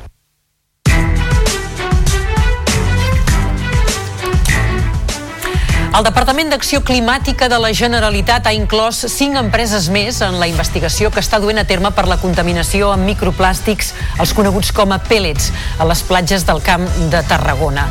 Recordem que el Departament va obrir un expedient informatiu fa unes setmanes a vuit companyies arran d'una denúncia de les entitats ecologistes Good Karma i Surfrider Foundation. Acció Climàtica no ha donat a conèixer el nom de les cinc noves empreses investigades, ja que les actuacions es troben sota secret de sumari. En declaracions al Notícies en xarxa, el cofundador de la plataforma Good Karma Projects, Albert Font de Rubinat, ha valorat positivament l'actuació de la Generalitat, tot i que adverteix que arriba tard. veiem que és un resultat positiu que la Generalitat per fi no, tingui algo amb el, que, amb el que començar a controlar i monitoritzar aquestes pèrdues de pèl·lets no? I, i, i ins, inspeccionar o auditar d'alguna forma les empreses, no? una, una mica unes eines, però lògicament venen tard, són benvingudes, lògicament, i esperem que, que això porti a, a, lo, a lo que seguim repetint, una regulació que al final és el que impedirà que, que, que es verteixin aquests contaminants al medi. I parlem ara dels efectes de la sequera perquè els veïns de Vallirana es resignen a seguir amb restriccions d'aigua si no plou en les properes setmanes. De fet, uns 300 veïns estan sense aigua des de diumenge i 3.000 més no la poden consumir per un episodi de terbolesa que aquests darrers dies ha afectat un dels pous d'aigua del poble. L'alcaldessa del municipi, Eva Maria Martínez, recorda que la situació dels aqüífers del municipi és crítica i reclama a la ciutadania consciència a l'hora de consumir. Des de l'Ajuntament hem intentat en tot moment doncs, eh, donar el màxim d'informació possible, que tinguessin aquesta cuba d'aigua des del mateix dilluns per tal de poder abastir-se en, en garrafes d'aigua, també aquest servei que hem tingut per les famílies vulnerables i després aquest servei de, de dutxes. No, I faig una crida a tota la població del municipi és que facin el màxim estalvi d'aigua possible. I avui, malauradament, ens hem de fer ressò de la mort de Jordi Jardí, exalcalde de Tivissa i expresident del Consell Comarcal de la Ribera d'Ebre. Tenia 57 anys i va morir ahir, de forma sobtada al seu domicili. La mort de Jordi Jardí ha provocat gran consternació a Junts per Catalunya, on ara era el coordinador del partit a la Ribera d'Ebre. L'Ajuntament de Tivissa ha decretat dos dies de dol oficial i les banderes onejaran a mig pal fins dilluns. A més d'aquesta alcaldia, que va ocupar durant 16 anys i de presidir 4 anys al Consell Comarcal, Jardí també va ser director general de Seguretat entre el 2015 i el 2021. I el president de la Generalitat, Pere Aragonès, ha entregat els Premis Nacionals de Comerç als 28 establiments que més destaquen a Catalunya per tenir vocació de servei, capacitat d'innovació o, per exemple, per ser sostenibles. Un dels negocis guardonats és la drogueria Rovira de Barcelona, centenària, i també els botiguers i botigueres de Vic Comerç per la millor iniciativa col·lectiva. L'entitat bigatana ha estat reconeguda per la iniciativa Big Shopping Magazine, una acció comercial que va desplegar l'any 2023 per impulsar el comerç de proximitat creuant productes i comerciants. És un bon reconeixement, és el reconeixement a una tasca que és força difícil perquè hi ha moltes associacions de comerciants a, a Catalunya i fan també la feina molt ben feta i aleshores doncs, que ens la reconeguin especialment a, a Vic doncs a, ens agrada molt i n'estem molt orgullosos. Amb el suport de 170 establiments de la capital usonenca, Vic Comerç ja va rebre aquest guardó l'any 2013 pel projecte de la targeta urbana.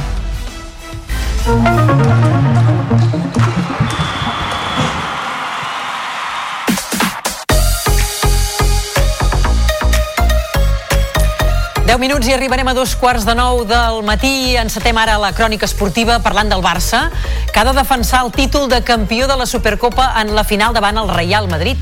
Els Blaugrana van superar l'Ossassuna en semifinals per 2 a 0 amb gols de Lewandowski en el minut 59 i de Lamin Yamal en el temps afegit. Pedri va reaparèixer a mitja hora de joc, mentre que Rafinha va marxar lesionat i és dubte per a la final de diumenge a les 8 del vespre. Xavi celebrava però la victòria i també la classificació. Estem a una altra final, en un altre clàssic, era l'objectiu principal d'aquesta competició i ara doncs, eh, primer a disfrutar, a gaudir d'aquesta final i a competir-la. Eh, en general crec que hem fet, no hem fet un partit brillant, però hem fet un partit sèrio, sobri i en molts moments l'equip eh, ha estat bé. En pilota avui era difícil. Era difícil generar, ells amb aquella línia de 5 i anar saltant als centrals doncs és, és complicat, havíem d'atacar espais en el moment just. Bé, hem generat, En bàsquet, nova cita del Barça a l'Eurolliga. Després de la victòria davant l'Olimpiakos, rep els alguiris a dos quarts de nou del vespre. Els Blaugrana encadenen quatre victòries aquest 2024 i han recuperat la segona plaça europea amb el mateix balanç que la Virtus de Bologna. El conjunt lituà, per contra, és a la zona baixa de la taula a tres triomfs de les places de play-in. Roger Grimau, que no comptarà amb la Provítola i Abrines, analitza el conjunt lituà que ha canviat d'entrenador recentment. Fa poc, és veritat que han tingut canvis, que han canviat d'entrenador i això sempre comporta una reestructuració de l'equip, jugar alguns detalls diferents del que ens vam trobar allà. Normalment aquestes, aquests canvis comporten doncs, que jugadors que potser estaven una miqueta menys eh, estiguin jugant millor. Bueno, eh, una nova oportunitat també per, per jugar nosaltres aquí al Palau i, i bueno, intentar fer un bon partit demà. Després de la derrota contra l'Uni Girona a l'Eurocup de bàsquet, el Cadí la Seu prepara el duel de demà contra el Perfumeries Avenida a la Lliga Femenina. Les urgellenques, ubicades a la zona mitjana, reben el tercer classificat. Les lesions continuen però marcant l'equip de Fabián Tellez, que no podrà fer gaires rotacions. El partit es podrà seguir en directe per la xarxa més. El tècnic de les Pirinenques analitza l'equip de Salamanca. Té la capacitat econòmica de refer-se en dues setmanes. Nosaltres portem quatre mesos, no? És a dir, és, és, és el que som, som el que som. Per tant, bueno, espero això, un, un equip com, com és Avenida al màxim nivell i, i nosaltres pues, el mateix, no? Vindrem d'un esforç gran contra Girona, intentarem donar el millor eh, davant de la nostra gent i, i a continuar, que és el que hem de fer. El Barça va ser l'únic català que va signar una victòria en la jornada de la Lliga de Campions d'hoquei patins. Va derrotar el Barcelos portuguès per 3 a 1 amb gols d'Ignacio Alabar, Pau Bargalló i Joao Rodríguez. Amb el triomf, els d'Edu Castro consoliden el lideratge del grup A amb ple de victòries en les tres jornades disputades. Deixar un equip com el Barcelos sense que et pugui fer cap gol només eh, amb un gol de penal a bola aturada i minimitzant moltes de les eh, potencials que tenen que són moltíssims. Doncs la veritat és que és per felicitar l'equip. Hem fet una, una, un partit esplèndid i, i un passet més endavant per acabar liderant el grup que és el que, en el que estem entestats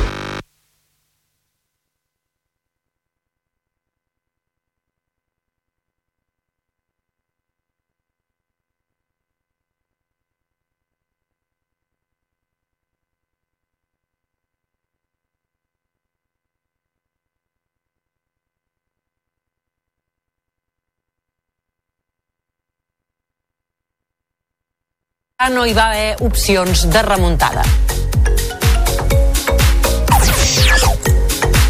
I el Reus continua sense puntuar després d'encaixar una nova derrota a la pista del Benfica per 4-2. Martí Casas va avançar als roig i negres, però els portuguesos van remuntar amb 3 gols. Ferran Jiménez va fer el segon dels reusencs, però Carlos Nicolia va sentenciar amb la quarta diana dels locals. El Parlem Calafell va esgarrapar un punt a la pista de l'Sporting de Portugal amb un empat a dos. Els lusitans es van avançar amb dos gols, però Jepi Selva abans del descans i Joan Pasqual en el segon temps van aconseguir establir les taules al marcador. A la primera divisió masculina de futbol sala avui juga l'Indústria Santa Coloma. Rep el Rivera Navarra a dos quarts de vuit. David Penya valora el calendari que tenen per endavant amb la disputa de la Copa abans de l'aturada per la Copa Amèrica. Este es un poco extraño por el tema parones y tal, pero bueno, la suerte que tenemos es que no tenemos que viajar fuera, tenemos dos partidos en casa y eso nos tiene que también que, que ayudar a conseguir los, bueno, los tres puntos mañana y el partido de Copa del Rey pasar la eliminatoria. I en handbol, el KH 7 Granollers afronta demà l'anada dels vuitens de final de la European Cup femenina. Les ballesanes arriben en un gran moment de forma, el primer assalt de l'eliminatòria al Palau d'Esports davant l'Erice de Sicília. El partit de tornada es disputarà dissabte vinent, 20 de gener, a Itàlia.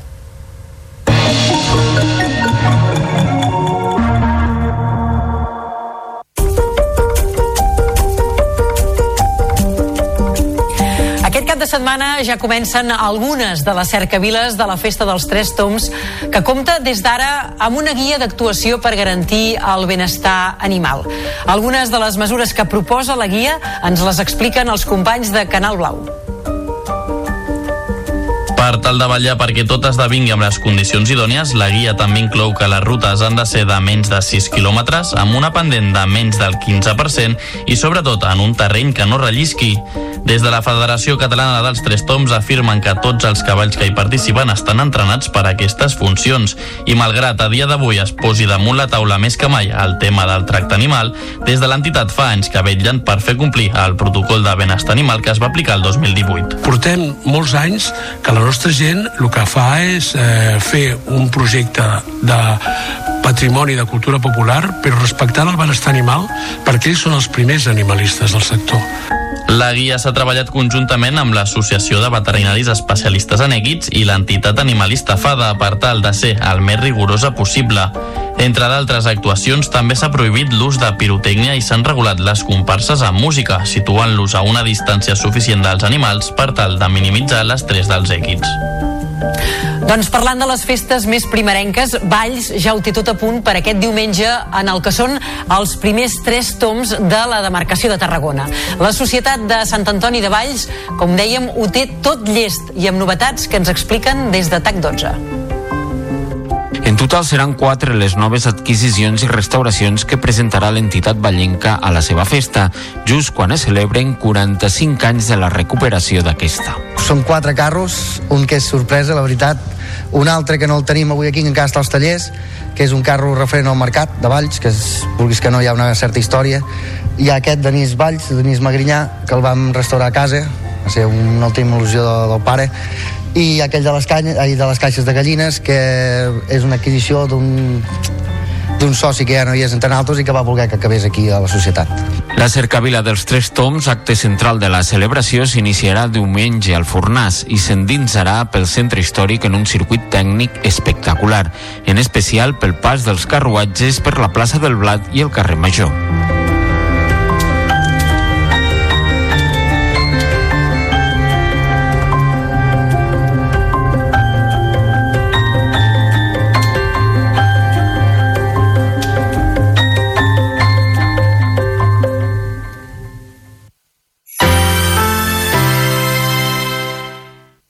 La xarxa de comunicació local. Embaladits, l'espai on la Montse Balada i els seus amics ens enllacen amb la poesia infantil. Hola, embaladits! Soc la Montse Balada i, com sempre fem en aquest programa, durant uns minuts ens unirem en l'aventura de llegir en veu alta poesia infantil. Us donem la benvinguda a l'Embaladits. La Martina Arce, de tercer de primària de l'escola Maricel de Cubelles, ens recita un poema que ens explica com són d'importants les paraules boniques i com gràcies a elles la poesia ens fa el cor molt feliç. Hola, em dic Martina, vaig a tercer i avui us... Bueno, soc de l'escola Maricel i avui us llegiré el meu poema que es diu La paraula bonica. Una paraula bonica viu desitjant ser trobada per qui cerqui un gran tresor i amorosament la prengui i se l'emporti gravada al diccionari del cor. Al cor, cada primavera, hi floreixen les paraules que més amor s'han guardat i ella vol ser la primera de florir com una rosa en un llavi enamorat. Moltíssimes gràcies, Martina. Aquest poema ple de paraules boniques ens ha arribat al cor. Fins al proper Embaladits. Adeu. Vols que la teva escola participi a l'Embaladits? Envia'ns un correu electrònic a embaladits arroba canalblau.cat Embaladits és una idea de Montse Balada produïda per Canal Blau FM per la xarxa de comunicació local.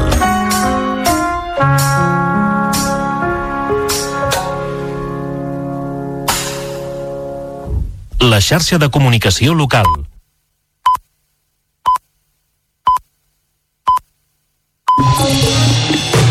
Notícies en xarxa, edició matí. Amb Helena Puigdueta. Bon dia, són dos quarts de nou del matí i avui al Notícies en xarxa us estem explicant que el límit al preu dels lloguers entrarà en vigor a 140 municipis de Catalunya durant el mes vinent. Són les zones on el preu i l'accés als habitatges estan més tensionats i on resideix el 80% de la població. Amb la norma a la mà, el lloguer dels nous contractes no hauria de superar el preu del que tenien vigent els últims 5 anys i els grans tenidors no podran situar la mensualitat per damunt de l'índex de referència del carrer corresponent. També us estem explicant que el govern investiga cinc empreses més per contaminació de pèl·lets a les platges del Camp de Tarragona. Entre les primeres vuit companyies a qui ja s'ha obert un expedient per l'emissió de microplàstics hi ha Repsol, que ja ha presentat al·legacions. De la plana política hem destacat que el govern de la Generalitat resta importància a l'acord entre Junts i el PSOE i demana detalls sobre la lletra petita del suposat traspàs de competències en matèria d'immigració. Considera que són compromisos difusos i ha exigit informació per escrit al govern espanyol. L'Associació d'Equatorians de Catalunya es va concentrar ahir a la tarda a la plaça de Catalunya de Barcelona per rebutjar la situació per la qual travessa el seu país, que viu en permanent tensió després d'una sèrie de motins en presons. D'aquí uns minuts en parlarem amb Sandra Pazmiño, que és portaveu de l'Associació d'Equatorians de Catalunya. I en els propers minuts visitarem la drogueria Rovira de Barcelona. Aquest establiment va rebre ahir el Premi Nacional de Comerç de la Generalitat.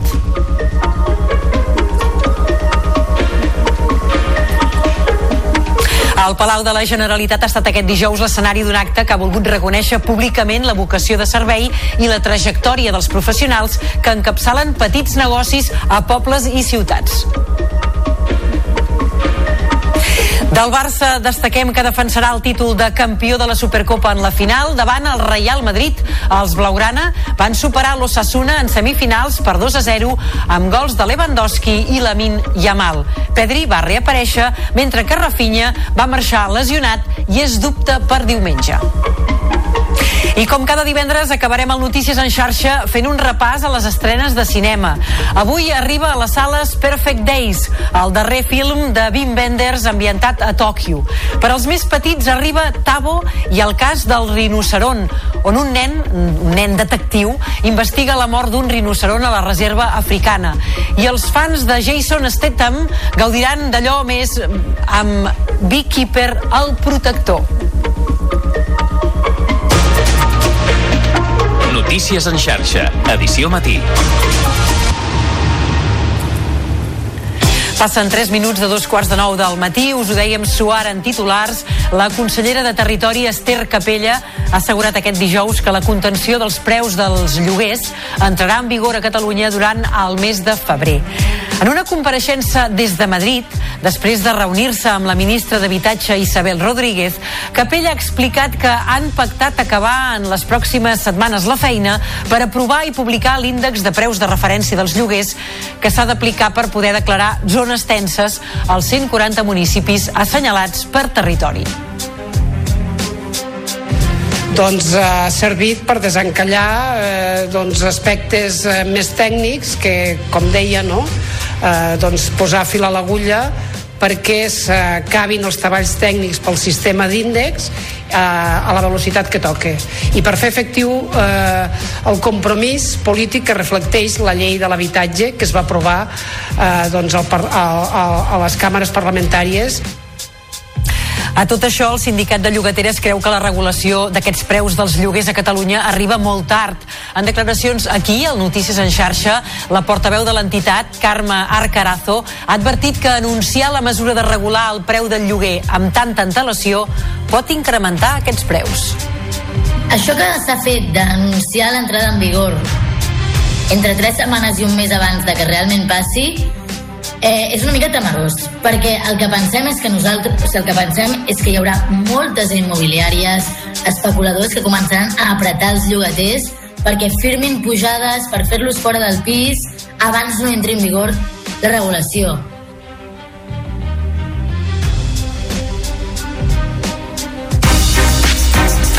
Avui també estem destacant que el govern català ha dissenyat la formació professional del futur i ha establert les bases en l'anomenat Informe General de Prospectiva. És la nova ruta de la formació professional a Catalunya.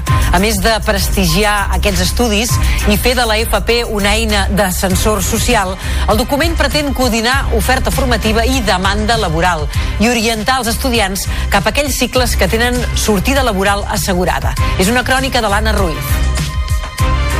El govern ha reiterat en moltes ocasions que aquesta és la legislatura de la formació professional i aquest dijous ha fet una passa important en aquest sentit. Ha presentat l'informe general de prospectiva. No és un document més, és el document de la formació professional. És el document de la FP, afirma el president aragonès, perquè construirà un mapa amb dos carrils en la mateixa direcció. El de l'oferta acadèmica, que s'haurà d'ajustar al de les necessitats productives de la Catalunya dels propers anys. Necessitem incrementar l'oferta en sectors com el sector tecnològic, per exemple, en l'àmbit de la informàtica, de les comunicacions. Sanitat, transport, informàtica o serveis socioculturals. El mercat necessita més treballadors en aquests àmbits i s'han d'ampliar les places. El nou mapa de la formació professional també recull quins són els cicles en ascens, amb una alta inserció laboral i que s'hauran de potenciar entre els estudiants a través de l'orientació. Són les famílies professionals vinculades a la construcció, la indústria del metall i la mobilitat o l'energia verda. De la plana estrictament política parlem de l'acord entre Junts i el PSOE que va permetre desbloquejar l'aprovació de dos decrets vitals per a l'executiu de Pedro Sánchez i que justament ha aixecat una gran polseguera a Catalunya. Des del govern català es resta importància al pacte i s'exigeix a Madrid concrecions sobre el traspàs de competències en immigració. Mentrestant, el PSC alerta que el més important és saber gestionar. Ens ho amplia en David Navarro. L'anunci que la Generalitat assumirà competències en immigració en base a l'acord entre Junts i el PSOE ha provocat un terrabastall en la política catalana. Així, la consellera de la presidència, Laura Vilagrà, ha remarcat que cal defugir els grans titulars. Per a Vilagrà, el més important és aconseguir acords concrets, quelcom que no veu en un pacte que qualifica de difús.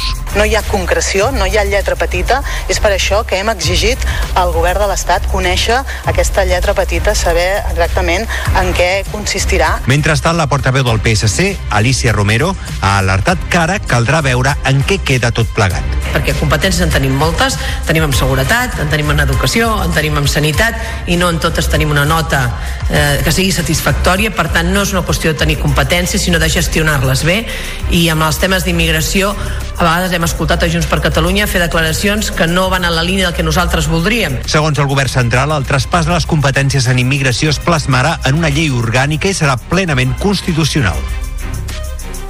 I parlem ara d'una notícia d'àmbit internacional que està tenint també la seva repercussió en concret aquí a Catalunya. I és que l'Associació d'Equatorians d'aquí, de casa nostra, es va concentrar ahir a la tarda a la plaça Catalunya de Barcelona per rebutjar la situació per la qual travessa el seu país. Equador viu en permanent tensió després d'una sèrie de motins en presons. El segrest de policies, la retenció de funcionaris penitenciaris en diferents presons i fins i tot la incursió armada en un canal de televisió dimarts passat que va acabar amb 13 detinguts. Doncs justament de com ho viu aquesta comunitat equatoriana a Catalunya en volem parlar ara mateix amb la Sandra Pazmiño, ella és portaveu de l'Associació d'Equatorians de Catalunya. Senyora Pazmiño, bon dia i gràcies per atendre'ns. Buenos días, muchas gracias a ustedes por invitarme. Estat d'excepció, comerços i escoles tancades Preocupats, entenc, i molt des de la distància per la integritat i la seguretat de familiars, amics i parents. Què us expliquen des d'allà? Sí, eh, la verdad es muy preocupante toda la situación que se está viviendo allí en Ecuador con los familiares que tenemos allí y no solamente ya por la familia que tenemos en nuestro país, sino por la situación en, en sí del país. Un país que siempre ha sido un país pacífico, trabajador, con gente alegre, eh, acogedora, y ahora mismo estamos viviendo una situación extremadamente peligrosa a tal caso de que nos dicen que no salgan de la casa. Eh, eh, estamos hasta incluso privados de nuestra libertad por no tenemos, no podemos salir por el, estado de peligro, el estado de alarma, el estado de, de, inseguridad que tenemos. No pueden ir los niños a la escuela, la gente no puede ir al colegio, no, o sea, es un no solamente una privación de libertad obligada que estamos ahora mismo en el país. De quina manera, des d'aquí, la comunitat equatoriana d'aquí eh, i d'arreu del món, perquè esteu escampats en molts llocs, de quina manera es pot ajudar des d'aquí? No sé si us esteu organitzant d'alguna manera i quin suport us estan donant des del Consulat de Barcelona o des de l'Ambaixada de Madrid?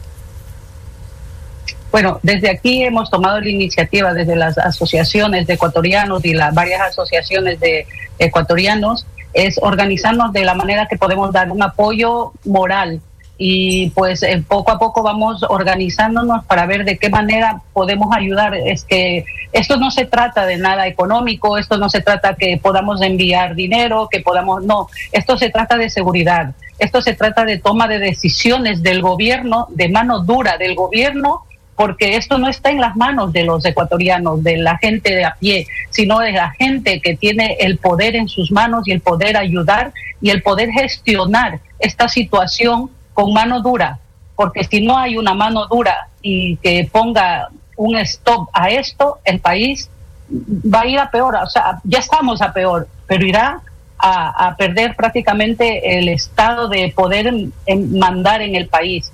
No podemos dejar que bandas delinqüenciales hagan esta situació en nuestro país. Senyora Pazmiño, eh, suposo que arran d'aquesta situació creixerà el nombre de conciutadans seus que potser volen marxar de l'Equador. I ara com insistia, no per una qüestió econòmica, com, potser fins ara hi havia aquest moviment migratori, sinó per una qüestió de seguretat i d'integritat física, fins i tot, eh? Sí, es que, es que esto es ya por ley del ser humano que busca su seguridad. Si no estás tú seguro en un sitio, ¿qué es lo que haces? Buscar seguridad en otro sitio. Eh, no solamente la, la, migración será a nivel mundial, porque el Ecuador, la gente que está ahí y que tiene posibilidades de salir, pues lo harán pues lo haríamos todo el mundo, estemos donde estemos, en países donde estemos, donde no haya eh, esa seguridad para vivir, que es lo que buscamos, la seguridad propia y de nuestra familia. Es lo que tocará vivir y es no solamente porque esto es como la guerra que estamos viviendo eh, eh, en Ucrania, las guerras que están, la gente sale porque resguarda su seguridad y es por ser humano y por seguridad propia lo harían.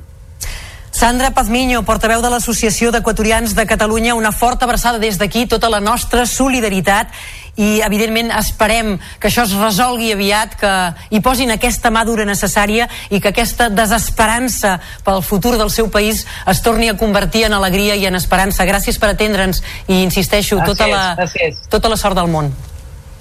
Muy, muy amable y damos desde aquí, desde, desde España, todo nuestro apoyo al presidente, a las autoridades y esperamos simplemente y rogamos a Dios que toda esta situación se salve con tranquilidad y no haya más víctimas colaterales de esta situación. Muchas gracias. Notícies en xarxa. Tota la informació al teu abast.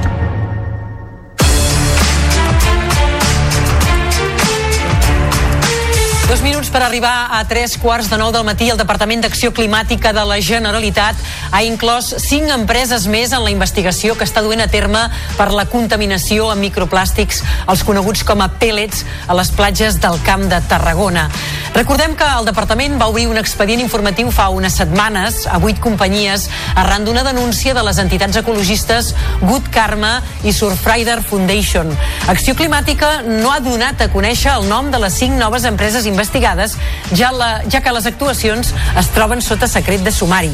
En declaracions aquí al Notícies en xarxa, el cofundador de la plataforma Good Karma Projects, Albert Font de Rubinat, ha valorat positivament l'actuació del govern català, tot i que adverteix que arriba tard.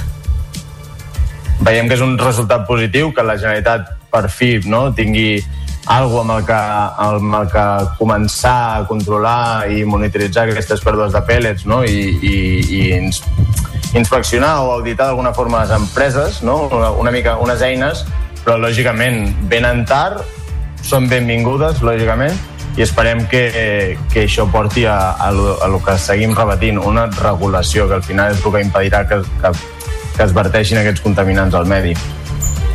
I una punt ara dels efectes de la sequera perquè els veïns de Vallirana es resignen a seguir amb restriccions d'aigua si no plou en les properes setmanes.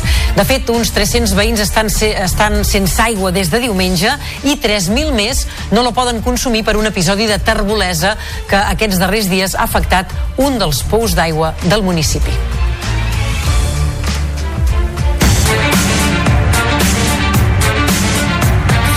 La Generalitat, us ho dèiem en titulars, també ha entregat els Premis Nacionals de Comerç aquest dijous al Palau de la Generalitat en un acte on ha volgut reconèixer públicament la vocació de servei i la trajectòria dels professionals que encapçalen petits negocis a pobles i ciutats.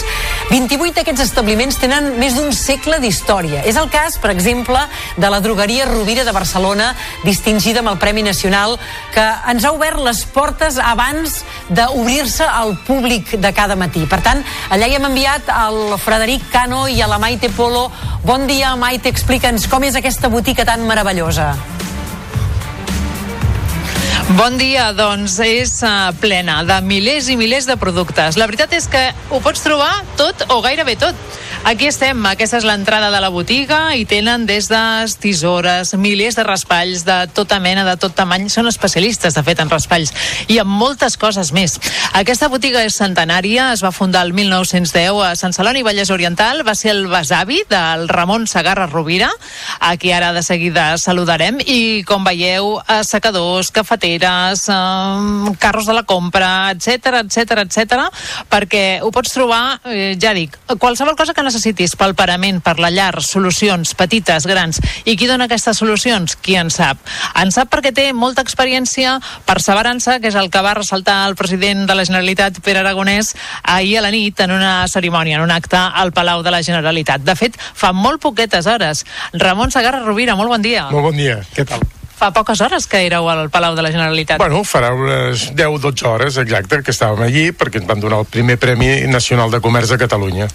Moltes felicitats. Moltes gràcies. És un premi que va acompanyat d'una dotació de 6.000 euros, ho diem gairebé a tall anecdòtic. Sí. A què els dedicareu o els heu dedicat? Bueno, ja estan dedicats. Jo crec que amb coses d'ajudes i, i, i altres coses que hem fet perquè considereu que era una cosa que no hi comptava i per, preferia invertir-ho en coses que realment ajudessin també a tothom.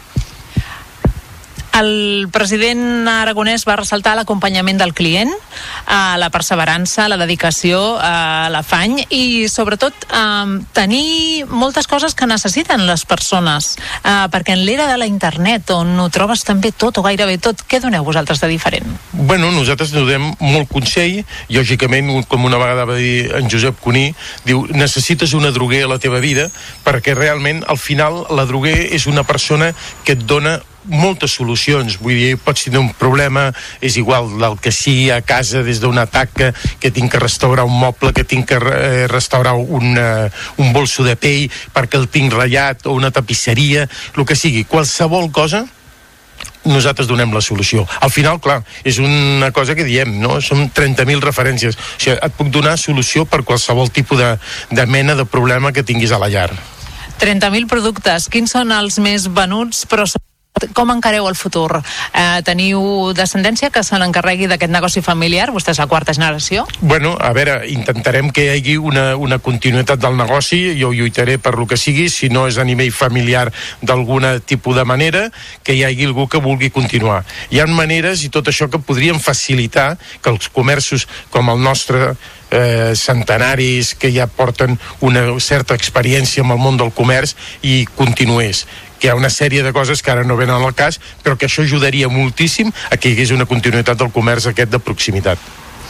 Doncs al carrer Madrazo 127, Sarrià Sant Gervasi, eh, trobareu per molts anys, si Déu vol, la drogueria Rovira, planíssima de productes que poden solucionar la vida a qualsevol. Moltes gràcies i bon dia.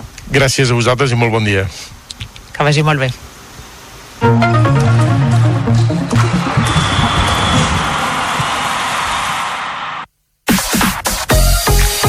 Minuts per arribar a les 9, temps per obrir plana esportiva, hi haurà clàssic a la final de la Supercopa. Cristina Álvarez, bon dia. Hola, molt bon dia. Sí, el Barça defensarà el títol contra el Real Madrid en la final de diumenge. En semifinals, els blaugranes es van desfer d'Ossassuna per 2 a 0. Van marcar Lewandowski al segon temps i també Lamin Yamal ja a l'afegit. Va reaparèixer Pedri, que va jugar mitja hora, mentre que Rafinha es va lesionar i és dubte pel partit per la final d'aquest diumenge que es jugarà a les 8 del vespre. Xavi Hernández celebrava tant la victòria com la classificació. Estem a un altre final, en un altre clàssic, era l'objectiu principal d'aquesta competició i ara doncs, eh, primer a disfrutar, a gaudir d'aquesta final i a competir-la. Eh, en general crec que hem fet, no hem fet un partit brillant, però hem fet un partit sèrio, sobri i en molts moments l'equip eh, ha estat bé. En pilota avui era difícil. Era difícil generar, ells amb aquella línia de 5 i anar saltant als centrals doncs és, és complicat, havíem d'atacar espais en el moment just. Bé, hem generat Adrián González deixarà de ser l'entrenador de l'Espanyol femení. El fins ara tècnic blanc-i-blau ha rebut una oferta internacional d'un club que n'ha pagat la clàusula. Segons algunes informacions, es podria tractar del Washington Spirit, que el proper curs dirigirà l'ara entrenador del Barça, Jonathan Giraldez. González continuarà a la banqueta espanyolista en els propers dos compromisos i després el fins ara segon entrenador Juan Ignacio Ibarra passarà a ser el nou tècnic. L'entrenador sortint fa un bon balanç del seu pas pel club m'emporto doncs, a moltes experiències a nivell professional, sobretot a nivell personal, persones amb, amb un cor enorme, grans professionals també acompanyant-me en el dia a dia. I, i per mi doncs, una nova porta que, que, que s'obre a nivell professional eh, i bueno, unes experiències i vivències doncs, uh, crec que molt potents, sobretot a nivell afectiu, que en molt poc temps doncs, uh, m'han permès créixer moltíssim Nova cita del Barça a l'Eurolliga de bàsquet. Després de la victòria davant l'Olimpiakos, rep els Alguiris a dos quarts de nou del vespre. Els blaugranes encadenen quatre victòries aquest 2024 i han recuperat la segona plaça europea amb el mateix balanç que la Virtus de Bologna. El conjunt lituà, per contra, és a la zona baixa de la taula, tres triomfs de les places de play-in. Roger Grimau, que no comptarà amb la Provítola i Abrines, analitza el conjunt lituà, que ha canviat d'entrenador recentment. Fa poc, és veritat que han tingut canvis, que han canviat d'entrenador i això sempre comporta una reestructuració de l'equip, jugar alguns detalls diferents del que ens vam trobar allà. Normalment aquestes, aquests canvis comporten doncs, que jugadors que potser estaven una miqueta menys eh, estiguin jugant millor. Bueno, eh, una nova oportunitat també per, per jugar nosaltres aquí a Palau i, i bueno, intentar fer un bon partit demà. El Barça va ser l'únic català que va signar una victòria en la jornada de la Lliga de Campions d'hoquei patins. Va derrotar el Barcelos portuguès per 3 a 1 amb gols d'Ignacio Alabart, Pau Bargalló i Joao Rodríguez. Amb el triomf, els Edu Castro consoliden el lideratge del grup A en ple de victòries en les tres jornades disputades deixar un equip com el Barcelos sense que et pugui fer cap gol només eh, amb un gol de penal a bola aturada i minimitzant moltes de les eh, potencials que tenen que són moltíssims. Doncs la veritat és que és per felicitar l'equip. Hem fet una, un partit esplèndid i, i un passet més endavant per acabar liderant el grup que és el que, en el que estem entestats el Finques Prats Lleida, per la seva banda, va perdre contra el Porto per 1 a 2. Rafa Costa i Elder Nunes, de falta directa, van avançar els portuguesos en el primer temps. Sergi Folguera va reduir diferències a la represa, però ja no hi va haver opcions de remuntada. El tècnic Edu Amat analitza el partit penso que defensivament hem fet un molt bon treball, que és el que tocava fer avui, i llavors potser penso que en atac ens ha faltat una mica el fet de creure'ns que que els hi podien fer mal, no? Jo ara ho parlàvem, jo tinc la sensació que el dia de la fase prèvia aquí els hi vam generar molt més perill en atac, evidentment ells han après la lliçó i han corregit moltes coses de les que els hi van fer mal, però crec que m'ha faltat un pèl de, de, de l'actitud, no? de, de, de creure'ns. El Reus continua sense puntuar després d'encaixar una nova derrota a la pista del Benfica per 4-2. Martí Casas va avançar els roig i negres, però els portuguesos van remuntar amb 3 gols. Ferran Jiménez va fer el segon dels reusencs, però Carlos Nicolia va sentenciar amb la quarta diana dels locals. I el Parlem Calafell va esgarrapar un punt a la pista de l'Sporting de Portugal, amb un empat a dos. Els lusitans es van avançar amb dos gols, però Jepi Selva abans del descans i Joan Pascal, Pasqual ja en el segon temps van aconseguir establir les taules al marcador doncs només el Barça va poder aconseguir la victòria, el Calafell que va esgarrapar un, un puntet en aquesta jornada europea. Doncs gràcies, Cristina, per la informació. T'esperem dilluns, que vagi bé. Bon cap de setmana. Igualment. Bé, doncs nosaltres tanquem l'informatiu d'avui al Next Matí amb les estrenes de cinema que sempre ens acosta cada divendres en David Navarro. Per tant, amb les estrenes marxem. Que vagi molt bé. Fins dilluns. Adéu-siau.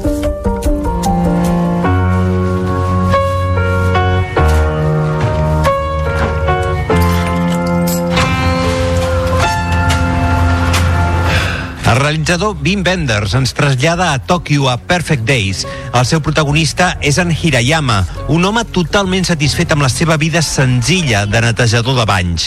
Fora de la seva rutina diària, gaudeix de la música i els llibres, li encanten els arbres i fa fotos. Una sèrie de trobades inesperades revelaran, a poc a poc, més del seu passat. Mañana es mañana. Y ahora es ahora. Ahora es ahora. Senyores i senyors, els hi dono la benvinguda a la nostra reserva d'animals. Creieu que també veurem rinocerons? Potser sí, si estem de sort. Tots els bons que hi ha al cotxe els han fet els rinocerons. Gaudeixin de l'excursió. A Tabo i el cas del rinoceron, el protagonista, en Tabo, és un nen d'11 anys que vol convertir-se en detectiu privat. A la petita aldea on viu, les coses es posen difícils quan un rinoceron és assassinat a una reserva propera, només per robar la seva preuada banya.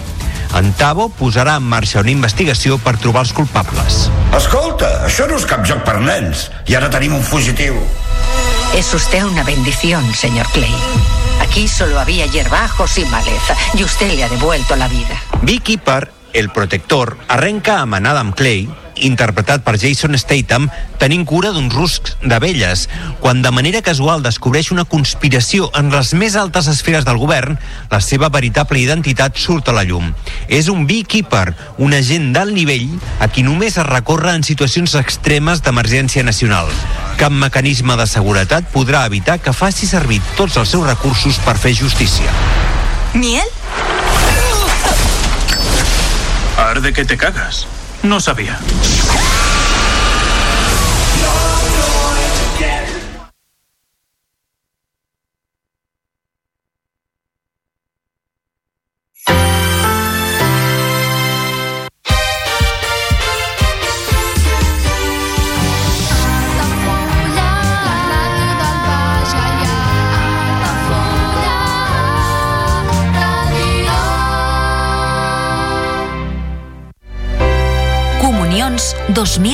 2024. Dates ja disponibles amb sales privades, jardí, pàrquing privat i la millor gastronomia. Més informació i reserves al 977 65 11 55 i a comercial arroba altafullamarotel.com o al web altafullamarotel.com. Les teves celebracions familiars a l'Altafulla Mar Hotel. Ja coneixes les propostes que t'ofereix el Club Marítim Altafulla? Vine i descobreix totes les nostres activitats. Sortides en caiac o pa del surf, cursos de vela per a totes les edats. No t'ho perdis. Club Marítim Altafulla. Obert tot l'any i per a tothom. Carrer Major, el programa de les emissores del Camp de Tarragona. Cada dia de 4 a 6 de la tarda, el que passa al Camp de Tarragona t'ho expliquem amb la major redacció d'un programa de territori quilòmetre zero. Periodisme de proximitat, continguts de qualitat, amb Anna Plaza i Toni Mateos. Carrer Major. La pilota torna a rodar i el centre d'Esports Altafulla juga una temporada més a Altafulla Ràdio. Els groc i negre reben a un candidat al títol i l'ascens al Sant Pere Sant Pau amb la voluntat d'aconseguir la primera victòria del 2024 davant l'afició i seguir la bona ratxa al Joan Pijuan. Aquest dissabte, a partir de les 5 de la tarda, segueix el partit en directe a través del 107.4 de la freqüència modulada, al web 3 www.altafullaradio.cat, l'aplicació per a dispositius mòbils o la televisió digital terrestre. El futbol més modest sona Altafulla Ràdio.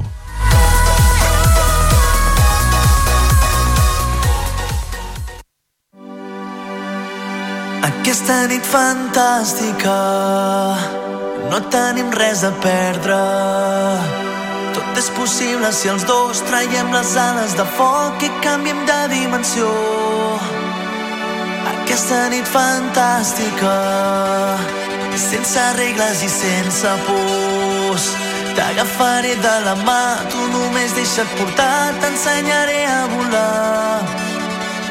Mourem el món amb batecs de cor, avui comença una vida. Farem nostres els carrers, puc fer que et sentis tan